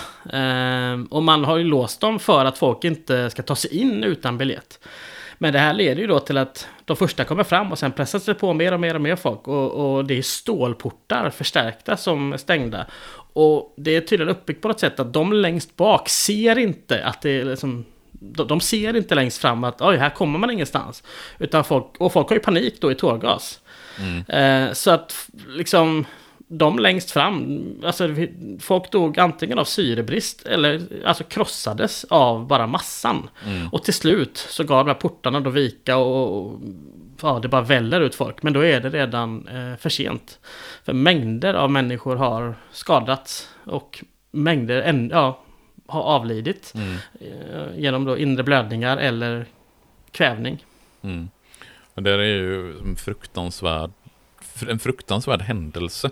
Verkligen. Mm. Om man liksom någonstans ska summera eh, skeendet av den här läktarkatastrofen i Lima i Peru. Vad, liksom, vad, är, vad blir resultatet när man räknar samman eh, allting som har hänt? Ja, men, ja, enligt officiella siffrorna så är det 328 människor som dör den här dagen. Men de är i underkant, för dels så vet man att bråk fortsatte utanför arenan och en del människor sköts ihjäl. Och de som sköts ihjäl räknas av någon anledning inte in i de officiella siffrorna. Nej. Och dessutom så ska två poliser ha dödats inne på arenan och delar av publiken haft sönder någon form av tegelvägg eller någonting där och kastat tegelsten mot polisen. Mm. Men man kan i alla fall konstatera att det är flera hundratals människor som eh, dör i den här läktarkatastrofen. Ja, och någonstans den är liksom, det, det, som jag förstår det så är den fortfarande kanske inte helt ut. Det är Nej. lite som ett sår fortfarande i Peru liksom. Man har Mm. inte riktigt velat... Det är som Hillsborough fick ju liksom, alltså den katastrofen. Det var väl bara några år sedan innan som myndigheter och polis till slut erkände vad som faktiskt hade hänt. Mm. Och det tror inte jag riktigt har hänt i den här än. Vad jag hittat i alla fall. Liksom. Men det, jag tyckte det var jobbigt att läsa om det. För att Ja. man, men som, som fotbollsfan och som ändå ofta går på arena och, och står i klackliknande... Alltså, det är där jag står liksom. Ja. Jag kan känna den här paniken av folk som... När man, man blir helt... Man blir bara som en del av en massa. Det räcker ju bara när man ska gå ut från ett fullsatt Ullevi. Man, man går som en packad sill. Tänk Ja. att folk har panik och, det, och portarna är Och, tryck, stängda. och trycker ja. liksom mot en, eh, mot en liksom stålgrind och stålportar. Ja. Det är, ja, nej. Usch. ja, och det känns ju inte som att det kan spelas så mycket fler fotbollsmatcher i kvalet efter det här. Nej, det ska ju då spelas fem matcher till, men de här ställs in på grund av eh, de här kravallerna, eller vad man ska säga, händelsen. Eh, och tabellen blev ju då väldigt haltande. Eh, för Colombia har spelat klart. De har spelat alla sina sex matcher, men Brasilien har bara spelat tre av sina. Så exakt hur vet jag inte, men det man kom fram till var att Brasilien och Peru fick spela en avgörande playoff-match om den andra OS-platsen. För den första gav man då till Argentina. För om inte jag räknar, om inte jag räknar helt fel så kunde Chile om verkligen alla resultat på ett helt osannolikt sätt hade gått deras väg, då hade de kunnat ta andra platsen. Men, och det här är en gissning igen, jag antar att man helt enkelt accepterade att de inte skulle ha lyckats med det. Men att Brasilien och Peru ändå, där, där, man kunde inte bara ge platsen till ett av de lagen. Utan de två fick ändå, det var det mest rättvisa var att de två fick spela en playoff-match Ja. eller om det. Och den matchen spelades liksom bara två veckor senare på Estadio Nacional. Eh, och då kan man fråga sig hur redo var Peru egentligen? Eh, ja, för brassarna tar också hem matchen ganska enkelt. De vinner med 4-0 och, och går till OS. Och Peru, Peru missar. Mm. Men ja, det är en tung... Ja, Mm. mm. Nej, så, säg du. Nej, det är bara... Jag tyckte det var en tung historia att, att, att, läsa om och den är Mm. ganska väl dokumenterad. Om än inte hundraprocentigt utredd som jag Nej. förstår det då. Så kan inte jag läsa alla spanska tidningar som finns för jag kan inte spanska och Google Translate kommer man bara så långt med liksom. Ja. Eh, Men ja, i alla fall. OS Ja. ska vi Ja. nu då. Ja, nej men vi, vi har ju ändå en turnering 64 i Tokyo som ska tas igenom. Vi har 16 lag som har kvalificerat sig. De delas in i fyra lagsgrupper. Ettorna och tvåorna i respektive grupp går till kvartsfinal. Ska vi dra den turneringen lite hastigt? Ja, Grupp A vinns av Östtyskland för eh, Rumänien. Mexiko och Iran åker ur. Eh, grupp B, eh, Nordkorea drog sig då ur. Och ett målglatt, un målglatt Ungern vann med 16 mot Marocko efter eh, sex mål av Ferenc Bene. Så bra utdelning. Eh, sen vann man med 6-5 mot Jugoslavien eh, efter fyra mål av Tibor Cernay. Eh, Jugoslavien hade slagit Marocko, vilket gjorde att Ungern vann och juggarna tvåa och Marocko åker hem. Eh, grupp C såg Tjeckoslovakien vinna tre raka segrar. Egypten tvåa på bättre målskillnad än Brasilien. Som då tillsammans med Sydkorea var klara efter gruppspelet. Sydkorea hade det inte roligt. 0 poäng och 1-20 i målskillnad efter 0-10 mot eh, Egypten. Eh, grupp D, sista. Italien diskas som sagt, så att eh, de får inte vara med. I övrigt var det jämnt. Ghana klarade 1-1 mot Argentina. Och, eh, men sen överraskande förlorade de med 3-2 mot Japan. Och Japan har Eh, förlåt, det var Argentina. Nu, det, jag felsyftade nog där. Argentina förlorade överraskande mot Japan. Eh, Japan hade sen eh, både 1-0 och 2-1 mot Ghana, vilket hade kunnat hjälpa Argentina. Men Ghana vände och vann med 3-2. Och vann därför gruppen före Japan. Så att Ghana och Japan vidare, Argentina är utslagna. Eh, kvartsfinalerna. Östtyskland slår Jugoslavien.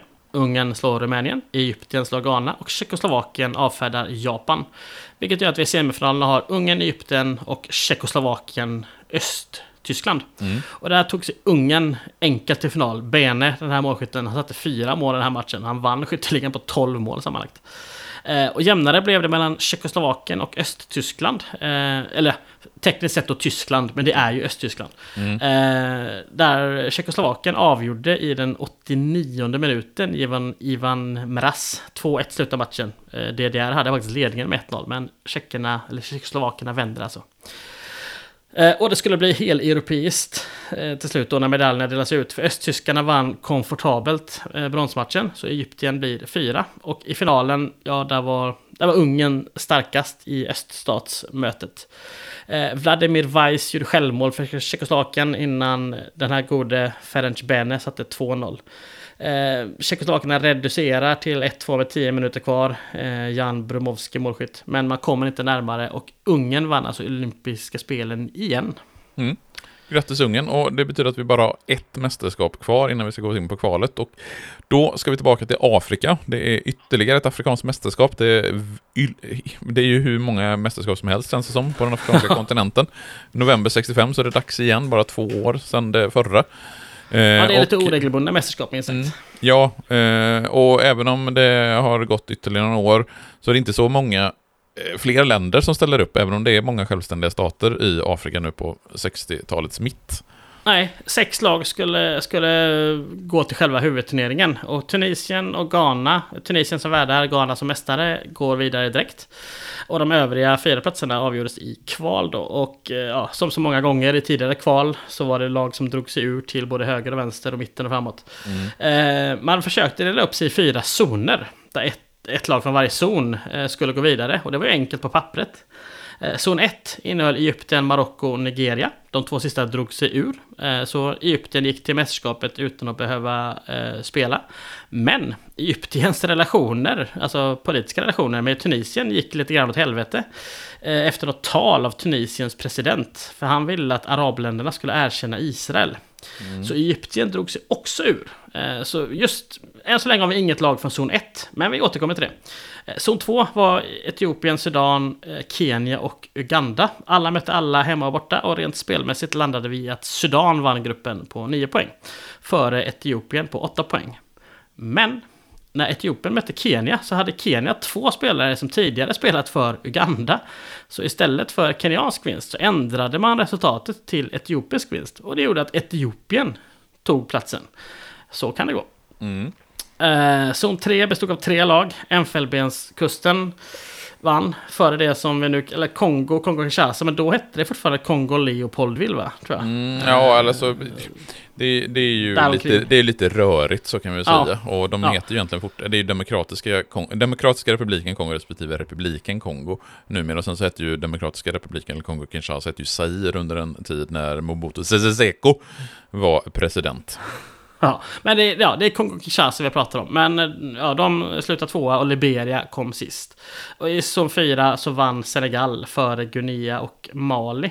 Men när då Egypten sent drog sig ur eh, mästerskapet så ville det Afrikanska förbundet låta de tre tvåorna spela ett playoff om den sista platsen. Och Sudan tackade snabbt eh, nej, vilket gjorde att det, en, en enkel playoff-match mellan Kongo och Guinea då skulle spelas den sista oktober.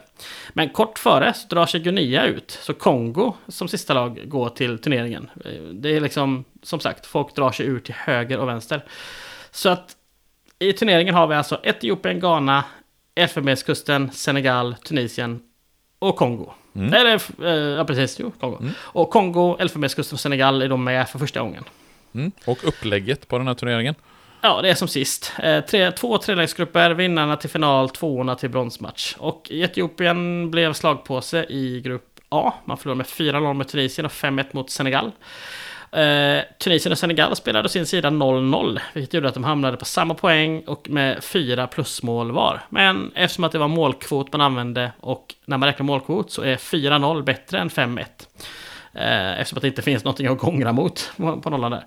Så Tunisien till final och Senegal fick nöja sig med bronsmatch. Grupp B var tydligare. Ghana vann båda sina matcher med tre måls marginal.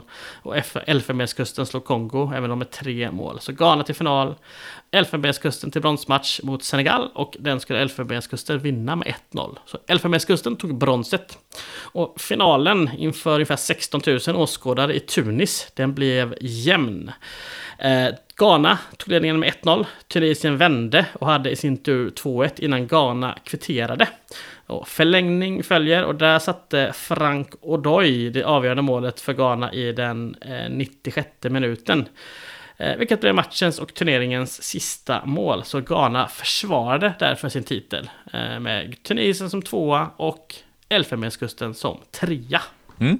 Och därmed så är vi väl klara med eh, samtliga stora eh, landslagsturneringar som spelades Ja. mellan VM 1962 och VM 1966. Eh, är det någonting du vill säga som sammanfattning kring de här eh, turneringarna som vi har gått igenom? Eh, att det är för många. nej, men, eh, nej alltså man kan ju nämna då att till exempel i Storbritannien spelas ju de här Home eh, Nations eller, bla, bla, bla, hela tiden. Men det är så här, eftersom att det bara är liksom de fyra lagen som möts varje år så tycker inte jag att det är värt att nämna dem. För att det är varje år liksom. Det skulle bli för mycket att prata om och inte intressant nog. Men av de här stora turneringarna tycker jag att vi fått med det viktigaste. Ja, så då ska vi då äntligen ta oss till kvalet för VM 1966. Och det här kvalet känns som att det kommer att bli något enklare. För vi har ju en hel del länder som bara helt enkelt drar sig ur och bojkottar kvalet. Och därmed så behöver vi inte prata så mycket om matcherna åtminstone. Nej, det, det är ju inte ens, det, det är inte bara en hel del länder, det är en hel kontinent som går ut i bojkott. Eh, för att så här, vi ska ju få 16 lag till det här VMet. Eh, England och Brasilien är ju då redan direkt kvalificerade. Vilket gör att 14 platser finns att fördela. Och Fifa kom efter att ha tänkt och tänkt och tänkt fram till att det mest rättvisa är att ge 9 av de 14 platserna till Europa. Och att tre av dem Eh, ja, tre av de kvarvarande fem då ska gå till Sydamerika. Eh, Concacaf, alltså Nord och Centralamerika, samt Karibien, de fick en plats. Och de två små kontinenterna, Afrika och Asien, det vilket inte- då alltså också är Oceanien, eh, Ja. de får dela på en plats. Ja, det är ju Eh, inga så att, människor som ja. bor i Afrika och Asien, så att, eh, det är ju små Nej, små inga som vill spela. VM i alla fall ju. Nej, herregud. Ja, nej, men så här. Eh, eh, med andra ord. Europa eh, och, och, Sydamerika och det som jag för enkelhetens skull kommer kalla för Nordamerika har direktplatser till VM. Men Afrika och Asien har alltså då 0,5 platser var. Mm. Och, och, och, det gör liksom att, eh, att, man, att inte ens Fifa kan garantera de här stora eh, kontinenterna ens en plats var. Det gjorde de afrikanska förbunden jävligt förbannade. Mm. Eh, det som Fifa angår, anger som förklaring eh, är liksom dels logistiska skäl, men också konkurrensmässiga. Man anser helt enkelt inte att lagen är konkurrensmässiga nog till varför mm. inte de får ett, ja, en plats var. Och resultatet det blir att samtliga 15 lag som skulle gå in i den första rundan i det afrikanska, afrikanska kvaret, de drog sig ur. Mm. Och Syrien, som av men, geografiska och logistiska skäl skulle kvala i Europa eh, igen, de drog sig också ur i sympati med de afrikanska länderna. Mm, men det finns också en liten notis som ah. jag hittade när jag, när jag gjorde lite research på eh, KBs tidningsdatabas. För där anger man, jag tror att det är Expressen som skriver, att Syrien drog sig ur av en märklig anledning. Och enligt Expressen skulle det vara att man kunde inte komma överens med Spanien om dag för returmatch i Damaskus. Syrien ville, citat, spela på en fredag, den muselmanska sabbaten, men det ville inte spanjorerna. Eh, varpå Syrien hoppade av VM-karusellen. Ja, det... Mm. Ah, ja, vill du kommentera det? Nej, jag tycker vi låter det bara som det är, som en liten kul kuriosa i sammanhanget. Och det är fler eh, länder som inte får vara med. Ja, men Sydafrika, de har ju uteslutits av det afrikanska förbundet på grund av den här lilla apartheidgrejen de höll på med. Men Fifa eh, tycker inte det är lika farligt längre, så de flyttar ju först dem till den asiatiska gruppen. Eh, men till slut liksom, så, så väljer Fifa att även utesluta Sydafrika, just på grund av eh, den politiska. Och om jag bara får gissa så är det ju kanske inte jättemycket för att de bryr sig så mycket om politiska frågorna, utan snarare för att pressen blev nog för stor. Liksom. Mm. Men eh, hur går det i den andra stora kontinenten som ska få dela på den här eh, platsen? Asiat, Asiatien? Asien? den asiatiska kvalgruppen? Ja, nej men den... Eh, ja, rörigt eh, mm. blir det. Den skulle ha avgjorts i, i Japan, trots att de inte ställer upp. Vilket jag tycker är märkligt. Men den flyttas till Kambodja. Men då, igen av logistiska skäl, säger Sydkorea tack och hej. Eh, och det här gör att faktum är att de enda lagen som är kvar det är Nordkorea och Australien. Alla andra har någonstans på vägen dratt sig ur eller inte ens anmält sig. Mm. Eh, och de här lagen skulle till slut mötas två gånger i, hur uttalas Phnom Penh? Vad är, vad, ja. Phnom Penh. Phnom Penh. Eh, och här är det lite så här, Nordkorea vinner enkelt de här matcherna. 6-1 och 3-1. Och Nordkorea går därför för första gången till VM. Mm. Eh, Grattis Nordkorea. Ja, och det blir liksom hela det asiatiska kvalet mm. faktiskt. Mm. Det är två matcher. Det är match mellan Nordkorea och Australien två gånger. Ah, fantastiskt. That's it. Men eh, ja, då ställde vi av Afrika och Asien på typ tre minuter. Det har vi väl aldrig gjort förut. Men eh, så är det när Fifa dummar sig. Concacaf då? Mm. eller Nordamerika som, vi, som du för enkelhetens skull då vill kalla det. Ja. Ja men det brukar ju vara Mexiko som tar de platserna. Och mm. eh, faktum är att fram till nu, alltså VM... VM 2022 är det senaste. Mm. Så har Mexiko faktiskt bara missat VM fem gånger. Eh, alltså 1934, 74 och 82 då misslyckades man i kvalet. Mm. Eh, 38 drog man sig ur och sen 1990 var man faktiskt avstängda på grund av en skandal i U20-VM från 1988. Men det kommer vi till när vi, när vi kommer vi så långt där. Fram. Ja. Eh, alla andra länder, eller förlåt, alla andra gånger har man eh, kvalificerat sig. Oftast genom kval, men två gånger då som, som eh, värdar. Mm. Alltså efter den här turneringen vi pratar om nu. Men, mm. Och den här gången blir det inget undantag. Man, man, det är Mexiko som tar eh, platsen. För nio lag kommer till spel. Man delar in sig i tre trelagsgrupper. Spelar dubbelmöten.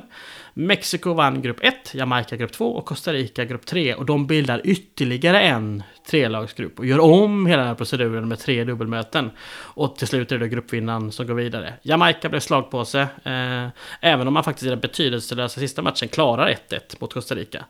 Eh, men vid den tidpunkten så har Mexiko redan vunnit gruppen och Mexiko till VM. Alltså jäklar vad det här kvalet går smidigt än så länge. Eh, Sydamerika. Kanske var tur att vi hade att det, var så mycket mycket, mästerskap. att det var så mycket turnering emellan nu när vi bara snabbt ställer av. Ska vi köra Sydamerika lika fort eller? Ja, men det går också skitfort liksom. För upplägget är i grunden exakt likadant som det är i Nordamerika. Nio lag anmälda, tre trelagsgrupper. Eh, enda skillnaden här är att eftersom de har tre platser så går ju de tre gruppsegrarna till VM. Det blir inget extra kval. Och i grupp 1 var Uruguay överlägsna. De vinner samtliga sina matcher mot Peru och Venezuela. Så Uruguay till VM. Mm. Grupp 2 blir jämnare. Eh, Colombia sist. I gruppen som också bestod av Chile och Ecuador. Eh, men Colombia skulle jävlas lite med Chile då man oväntat vann sin hemmamatch eh, mot dem med 2-0. Mm. Eh, och det här var ju eh, bara en vecka efter att som Chile krossat Colombia med 7-2 i Santiago. Så det var verkligen en... Det var, det var ombytta, ombytta roller liksom. Mm. Men eh, Chile hade lyckats kryssa borta mot Ecuador och tack vare att man som hemmalag, eh, ja man hemmaslog dem i den sista omgången så landade lagen på samma poäng. Och eh, till det sydamerikanska kvalet så hade varken målskillnad eller målkvot eh, kommit. Och båda de här sakerna hade tagit Chile till VM. Så därför var det väl också rättvist att i det playoffet som man arrangerade så vann också Chile till slut med 2-1 och tog sig till VM. Och sista gruppen, grupp 3, Argentina avfärdar enkelt Paraguay och Bolivia. Behöver inte ens nämna det. Argentina mm. gick till VM. Så sammanlagt, alltså från, vi, ja, från Sydamerika, så har vi då eh, Uruguay, Chile och Argentina som gör Brasilien sällskap i VM. Inga jätteuppseendeväckande länder där. Inga eh, sensationer på något sätt. Och då är vi ju raskt faktiskt framme vid eh, det, det, europeiska kvalet och där blir det ju lite mer komplicerat. Det är ju lite fler länder som ska kvala där. Vi har bland annat Sverige som ska kvala i grupp nummer två, men eh, vi brukar ju spara Sveriges kval till sist. Så eh, vi gör väl det, men vad är förutsättningen inför det här kvalet? Ja men nu, nu, tycker jag att vi lägger tre timmar på det europeiska kvalet så att vi... nej, det ska vi inte göra. Vi får lite balans i det hela. Ja, nej men så här, 31 lag kommer till spel efter Syriens sena av, eh, avhopp. Man har lottat in lagen i tre eller fyrlagsgrupper. Nio sådana, alltså nio grupper. Mm. Och vinnarna i varje grupp skulle gå till VM. Och det är dubbelmöten som gäller i samtliga grupper hemma borta. Eh, den sista gruppen, eh, efter Syriens avhopp så blev ju den då ett rent playoff mellan Spanien och Irland. Men det var tydligen för sent för att liksom göra om det när, när Syrien hoppade av. Men vi börjar med grupp 1 där Belgien och Bulgarien får sällskap av Israel. Eh, och det tackar man för. Israel blev slagpåse, fyra förluster, 1-12 i målskillnad. Eh, belgarna och bulgarerna vann dock varsin match och inte heller här använder man målkvot eller eh, dito skillnad. Eh, så trots att eh, Belgien gjort fler mål och släppt in färre eh, än vad Bulgarien gjort så blev det ett playoff på en neutral plan i Florens. Så sent som faktiskt den, den 29 december 1965. Bra mm. dag att spela på liksom. Mm. Men den matchen vinner Bulgarien. Som därmed blev, och de, de, ja, rent datumet blev de faktiskt sista lag till VM. Eftersom mm. de kvalificerade sig så sent. Mm. Men ja, Bulgarien till VM. Och vi hoppar över grupp två för där spelar ju Sverige och går ja. till en fyrlagsgrupp, nämligen grupp tre. Ja, Frankrike, Norge, Jugoslavien och Luxemburg. Och den slutar i precis den ordningen. Eh, Frankrike förlorade en match borta mot Jugoslavien, men vann övriga fem, vilket gjorde att man nådde då 10 poäng. Norge och Jugoslavien slutade tvåa respektive trea på 7 poäng och Luxemburg, deras framgång i EM-delen, ja, till trots. Här är det noll poäng för Luxemburg tyvärr. Mm. Vi... Jag känner att jag börjar gilla Luxemburg. Det är ja, någonting man, med den här podden har fått ja, mig att sympatisera med Luxemburg. Man vill ju ha mer info om Luxemburg. Det djupdyker ner mer i Luxemburg. Eller vill man verkligen det? Nej, men Tveksamt. Ja, det, finns, det finns man, någonting där med underdog-perspektivet, definitivt. Eh, grupp 4, eh, där har vi Portugal, Tjeckoslovakien, Rumänien, Turkiet. Ja, Portugal eh, gick direkt upp med, ja, vann sina fyra första. Eh, och på grund av de andra resultaten så var man i, ja, i praktiken var man helt klara för VM redan då. Så att man då bara spelade 0-0 hemma mot Tjeckoslovakien. Eh, det räckte, efter det var man matematiskt klara. Och att man då förlorade mot Rumänien i sista matchen betydde ingenting. Tjeckien tvåa, Rumänien trea, Turkiet i botten. Yes, och i grupp 5 så har vi Schweiz, Nordirland, Nederländerna och Albanien som slåss om VM-plats. Ja, och Albanien kom sist, men eh, man kunde kanske trott att de skulle förlora alla sex matcher. Det gör de inte. Fem förluster och en oavgjord blir det. Och den oavgjorda fick stora konsekvenser. För det var den sista matchen i gruppen. Schweiz ledde på 9 poäng. Nordirland låg tvåa på 7. Så vinst för Nordirland skulle med andra ord leda till eh, omspel mellan de här lagen. Eh, och man tog också ledningen efter knappa timmen.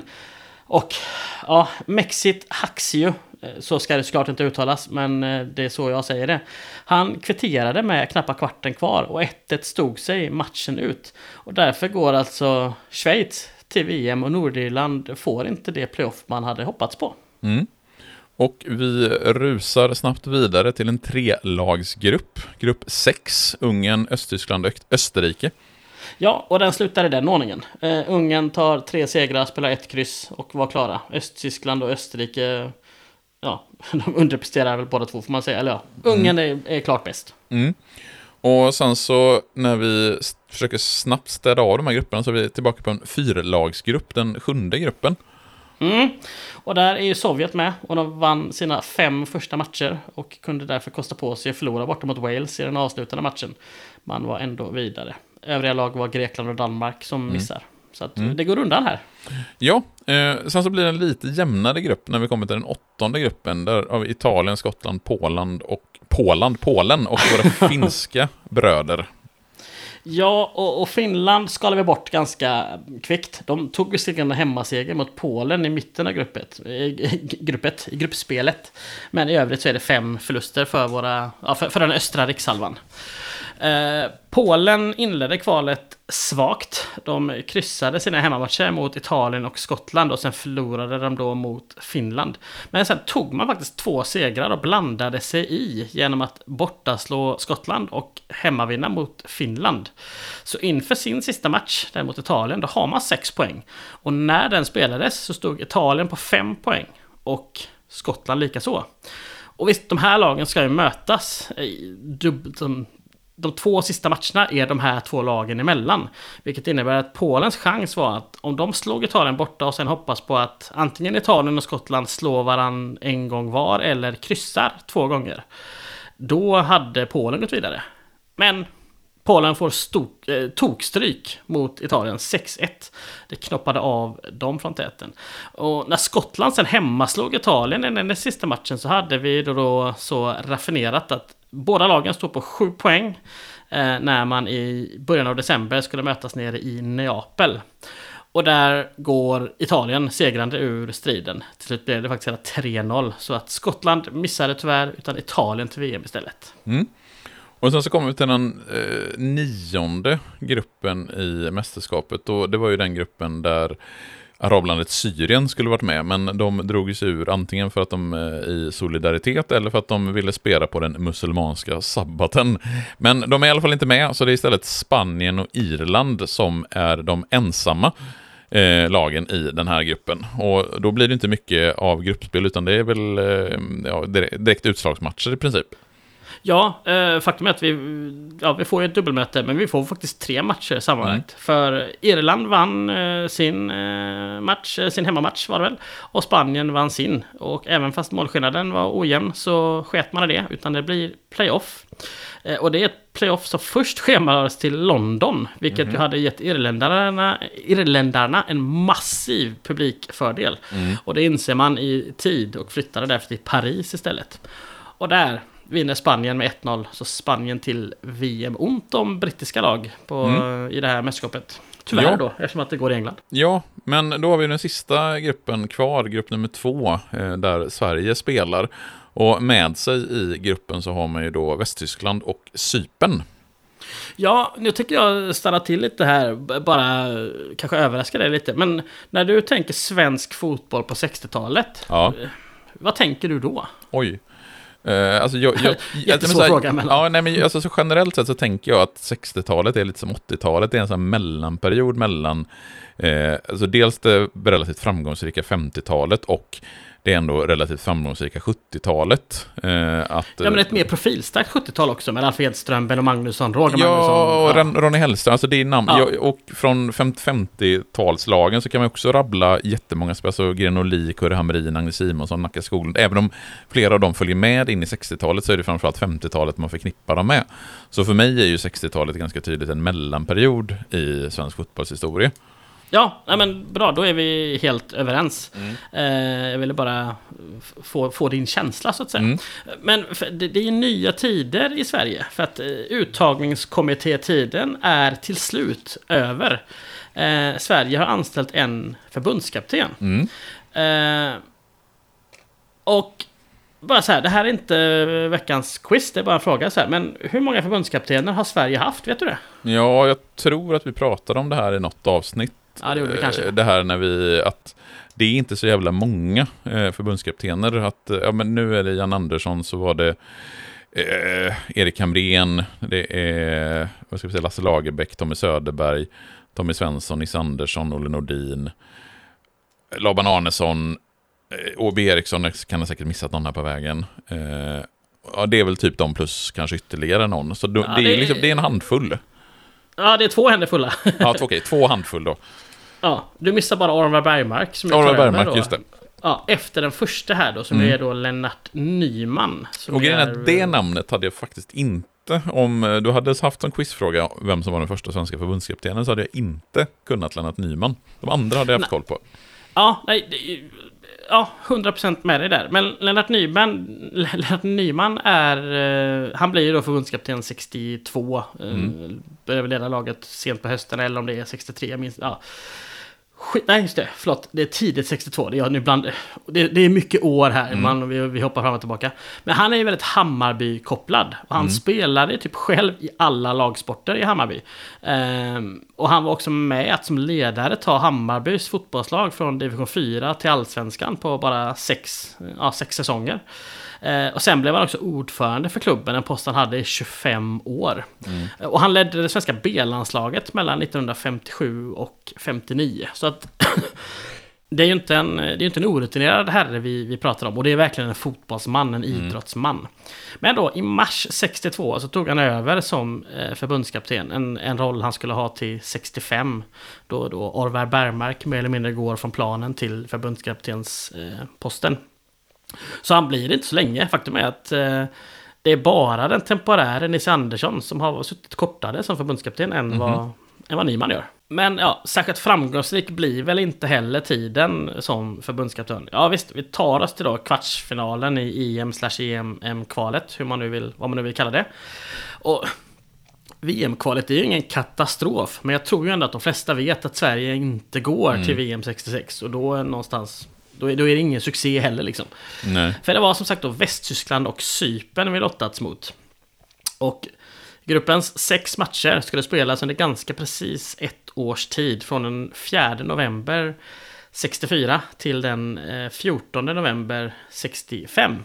Och det skulle börja på allra, alltså svårast möjliga sätt. Mm, för jag förutsätter då att den första matchen den 4 november 1964 är mot Västtyskland.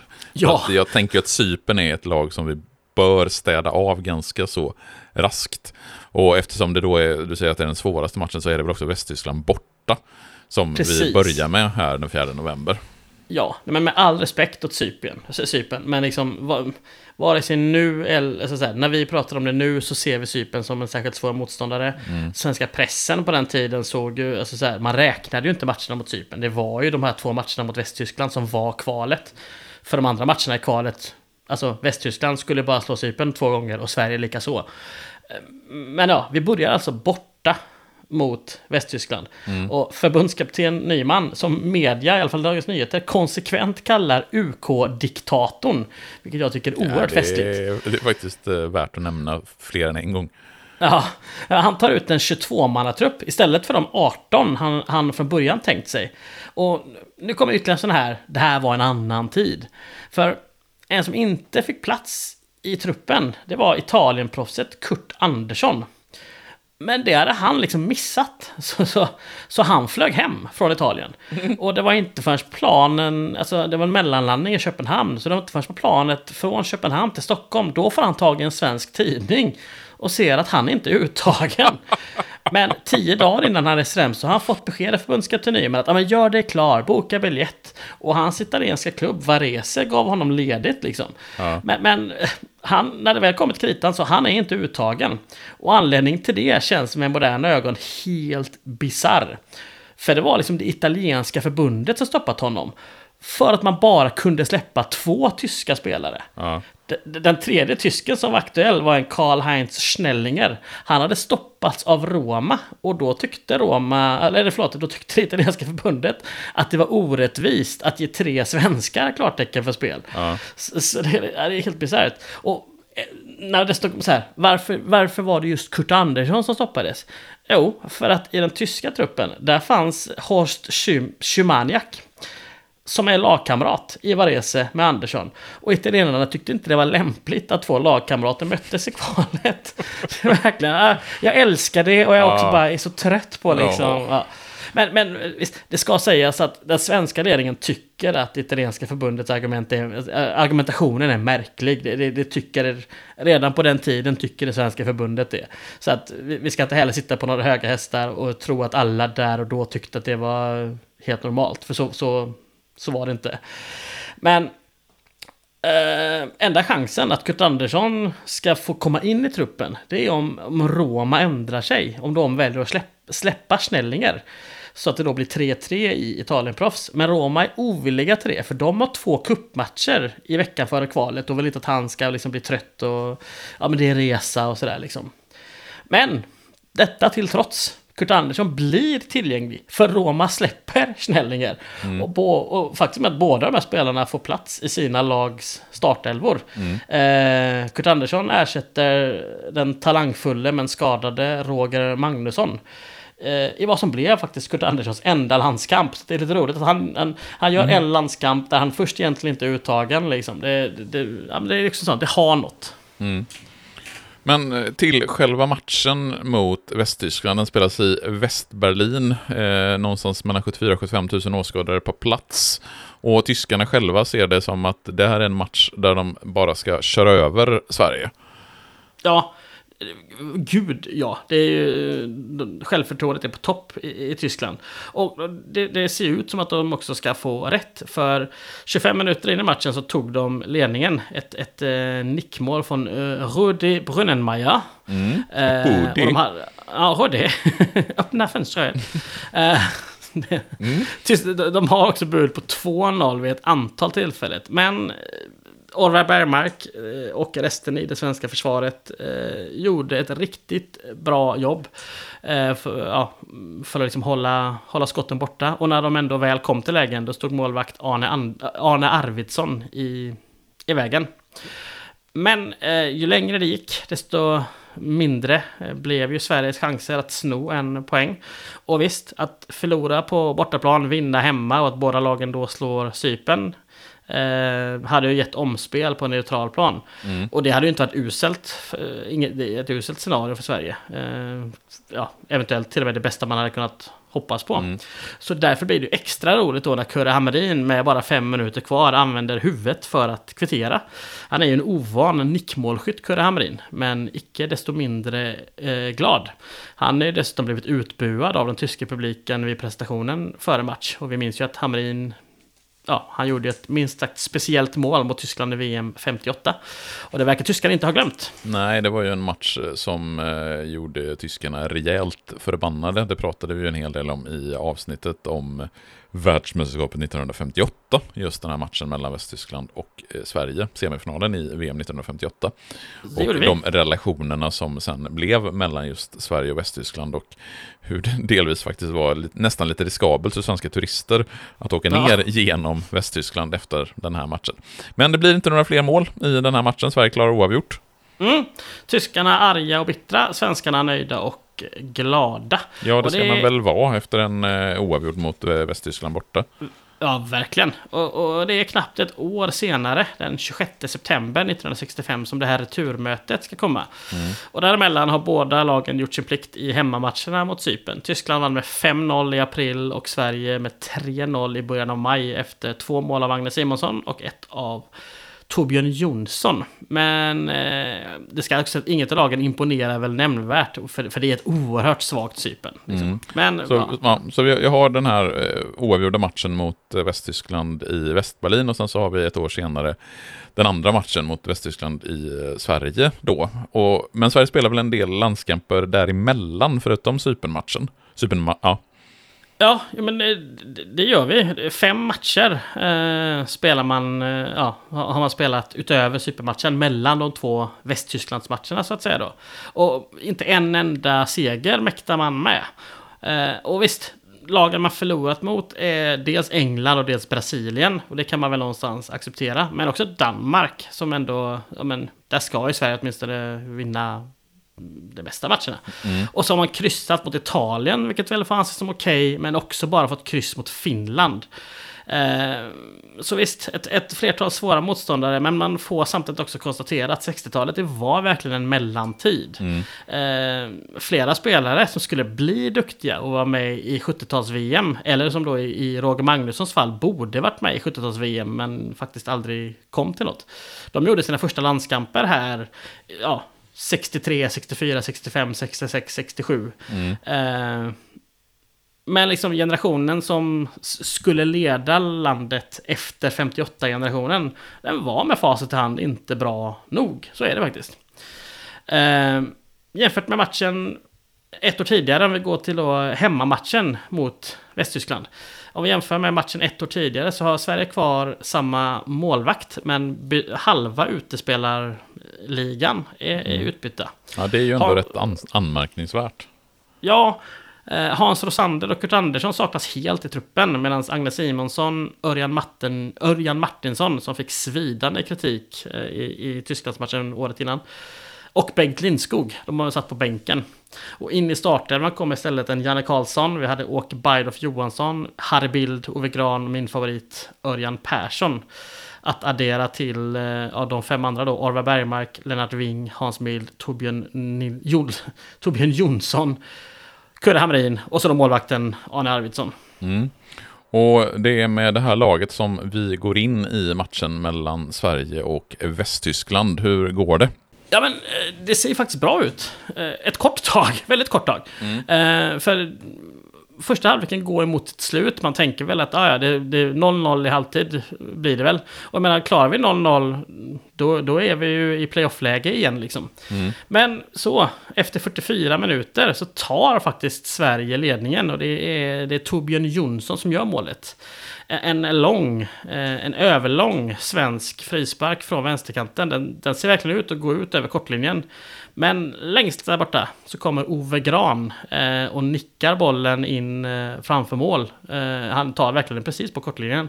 Och där inne är Torbjörn Jonsson helt omarkerad och slår in bollen i tomt mål. För den, den tyska målvakten, det här, det här, finns ju på YouTube, de här målen. Mm. Den tyska målvakten, han är först ute och flaxar på den höga frisparken. Och, och när Jonsson slår in bollen i mål, då har han brakat in tillsammans med Ove Gran i fotograferna bakom mål, alltså så här snett, snett vid sidan av målet. Det ser nästan lite dråpligt ut, som att han är, han är helt... Om man tänker på vad målvakten är när Torbjörn Jonsson bara slår in bollen i mål, så är han så långt borta från, från där han borde vara. Mm. Så att det blir... Det blir skitroligt. Eh, och det blir vild svensk glädje och enligt eh, tidens tand så kutar ju fotograferna in på planen för att ta bästa möjliga bilder. Mm, som man ju gör, men den svenska glädjen den får bara vara kortvarig. Ja, för det verkar som att vi blir ouppmärksamma. Eh, för det var, det var mindre än en minut till paus. Så kanske trodde man att det här bara skulle liksom passera och, och domaren skulle blåsa av. Men det är verkligen direkt på frispark så får tyskarna en frispark några meter in på offensiv eh, planhalva. Och kommentatorn, han sitter liksom fortfarande och pratar om hur skojigt, det var, det var skojigt med svenskt ledningsmål. Mm. Eh, när Schnellinger slår en lång frispark, en hög lyra, det är, det är så mycket snö på den så att den kommer knappt ner.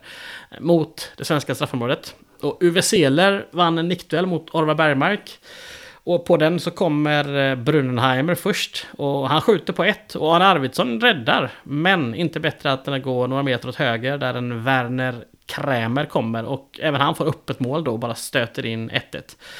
Och då är tiden klockan 45 minuter och 30 sekunder. Och något som i, i Dagens Nyheter beskrevs som att domaren hade gjort tillägg för alla krockar. Och det är ju någonstans intressant nu när vi sitter i en säsong, typ i Premier League, som har börjat och vi har haft så 11 stopptidsminuter i vissa matcher. Att 30 sekunder mm. någonstans anses anmärkningsvärt. Mm. Men vi ska ju minnas det, att det var ju inte först på 90-talet som man liksom började skylta med med hur mycket tilläggstid det var kvar. Mm. I VM 94 så sägs det någon gång, ja, hur, vad är anledningen till att det blev sju minuters stopptid? För det visste man inte då. Det, det var väl 98 VM eller möjligtvis 96 EM som det, ja. som det gjorde premiär i. Men vi har 1-1 med oss från den första halvleken och den andra halvleken börjar ingen vidare för Sverige. Nej, eh, det dröjer bara nio minuter så är Sverige i underläge. underläge. Grosser på högerkanten. Jag vet inte om det är ett skott eller ett inlägg. Det ser ut som något mellanting. Ungefär från straffområdets eh, kant. Och eh, när man ser på bilderna så är det oklart om den hade gått i mål eller smitit utanför där bort stolpen om eh, Arvidsson i målet inte hade gjort någonting. Så liksom att han agerar är för helt, det är självklart, det förstår man verkligen. Problemet är att det blir någon form av halvräddning som går rakt ut i straffområdet. Och där kommer Uwe Seeler helt ensam och bollen är på väg att smita förbi honom men han fläker sig och kan eh, till slut ändå ohotad liksom glida in 2-1 till Västtyskland. Och eh, ja, det är ju 35 minuter kvar och det är ju inte så att Sverige inte skapar några möjligheter till kvittering. Men eh, det mesta vi får till är skott utifrån som tyskarna kan avstyra utan några större problem. Mm. Och tröttheten tar Sverige ganska rejält i slutet av matchen. Mm. Så den, den slutar 2-1. Och svensk media konstaterar ju här ganska enhälligt att det här gör att Sverige missar VM. För att Cypern ens på hemmaplan ska kunna göra någonting åt tyskarna i sista omgången är liksom... Det är så osannolikt att ingen... Alltså Sverige är utslagna, det är så man skriver. Och, och så blev det ju. 7 mm. november var Sverige nere i Famagusta och vann med 5-0. Två mål var av Lars Granström och Bosse Larsson samt ett av Ove Kindvall. Kindvall. Men eh, ja, en vecka senare uppar tyskarna det med ett. För de vinner med 6-0 i Nicosia. Så mm. Västtyskland till VM. Sverige och Cypern är utslagna i gruppen. Ja, och det här gör ju att Sverige missar VM 1966. Men man noterar ju när man läser samtida tidningsklipp att det ändå finns de tidningar som försöker greppa det sista halmstrået om att Sverige ändå ska få spela VM i England 1966. Det är ju ett flertal klipp som jag hittade där efter att Sverige har torskat mot Västtyskland som beskriver det som att det finns en liten chans till slutspel trots allt genom Nordkorea och Australien. För vi ska ju minnas att den här matchen mellan Australien och Nordkorea, det är ju den enda matchen som spelas i det asiatiska kvalet. Och då är det flera tidningar som skriver, på, skriver att allt tyder på att Nordkorea lämnar walkover och att Australien därmed skulle stå som vinnare av sin grupp utan att ha spelat en enda match. Och då minns vi från VM 1958 att eh, Israel blev gruppvinnare utan att ha spelat en enda match. Och att Fifa då beslutade att eh, de inte skulle få gå till VM utan att eh, kvala. Och då hoppades ju de svenska tidningarna att ah, det finns en liten chans här. Om Nordkorea drar sig ur, Australien går vidare trots att de inte har spelat en match. Och då kanske Sverige ändå får kvala mot Australien så att det var en liten chans att gå vidare. Men så blev det ju inte. Nej, det är inte, inte alls tyvärr. Mm. Så vi har 16 lag klara efter eh, de här kvalgrupperna. Ska vi dra igenom dem eh, så att vi har, vet vilka lag vi har med oss in i turneringen? Ja, vi har ju alltså då Argentina, Brasilien, Bulgarien, Chile, England, Frankrike, Italien, Mexiko, Nordkorea, Portugal, Schweiz, Spanien, Sovjetunionen, Ungern, Uruguay och Västtyskland. Eh, Portugal och Nordkorea är våra enda debutanter i det här mästerskapet. Och Portugal skulle faktiskt inte återkomma igen förrän 1986 och efter det inte förrän 2002. Det, det, är, det är, ju faktiskt först på 2000-talet som de har medverkat. Mm. Så, och, och sen dess har de varit med i alla VM och mm. tror EM också för de flesta. Så att eh, Portugal som stor fotbollsnation är ju ändå en relativt ny grej. Mm. Nordkorea, de tog sig faktiskt till VM 2010 igen. Eh, vilket är deras enda andra VM-slutspel per då 2023, där vi är nu. Och utöver de här två lagen så är det bara Frankrike som inte eh, var med 62. Alltså 13 lag är samma 66 som det var 62. Och jag gillar ju lite när det blandas lite, så jag tycker att det är lite för mycket. Men det får man väl någonstans acceptera ändå. Mm, ja, jag tycker det. Men då vet vi vilka lag och vilka länder och vilka landslag vi har med oss in i turneringen till världsmästerskapen 1966. Och eh, om det mästerskapet kommer vi att prata eh, om en eh, månad, ganska precis. Då kommer mm, eh, avsnittet om själva världsmästerskapet, där vi går igenom turneringen, förutsättningar inför och själva matcherna. Och det är ju en oerhört dramatisk final, inte minst, som vi ska djupdyka i. Men i väntan på nästa eh, OS, tänkte jag säga, för att eh, citera Galenskaparna, i väntan ja. på nästa VM och nästa mästerskapspodd, vad, vad, vad kan man lyssna på däremellan? Men däremellan har vi ju en hel drös med Patreon-exklusiva avsnitt. Nu minns jag inte om det var det tolfte som var det senaste jag släppte då. Mm. Eh, vi har ju om OS eh, 48, det är ju gammalt. Vi har om eh, OS 52 gjorde vi också där Sverige då tog brons. Sandor Kocic fick ju ett eget som skyttekung 54. Jag ska göra ett om eh, Kystfontän här nu då när jag går in på avsnitten om 58. Så att eh, dels innan nästa avsnitt så kommer det komma minst ett, förhoppningsvis tre Patreon-exklusiva avsnitt. Men det finns alltså redan, om det är 11 eller tror jag 12 att lyssna på. På ja, patreon.com snedstreck masterskapspodden. Yes, och det tycker jag att eh, ni ska gå in och eh, stötta podden om inte annat. Eh, för att eh, det är kul att stötta poddar. Och vill ni inte lyssna bara på Mästerskapspodden så finns det ju lite andra poddar som vi sysslar med. Jag har ju Kungar och krig och Gator och torg i Göteborg som utkommer veckoligen. Du kör på med Harry Potter-podden. Ja. Ja. ja, suck säger du om det. Nej, men vi, sommaren har varit tuff ja, för Harry Potter-podden. Ja, men det, det, är ändå, det är ändå ett, det, den är inte nedlagd i alla fall. Nej, nej, nej, nej. Det ska komma ett avsnitt här i, i 7 september. Ja, men det är underbart. Och sen så kan man ju alltid lyssna på våra gamla från Bäck till bron, som ju mm. ligger kvar att lyssna på. Det finns ju en hel del gött att lyssna på med hela svensk krim. Yes. Eh, yes, ska vi säga tack för den här gången så eh, hörs vi igen om en månad då det blir VM 1966. Yes, hej! Hej!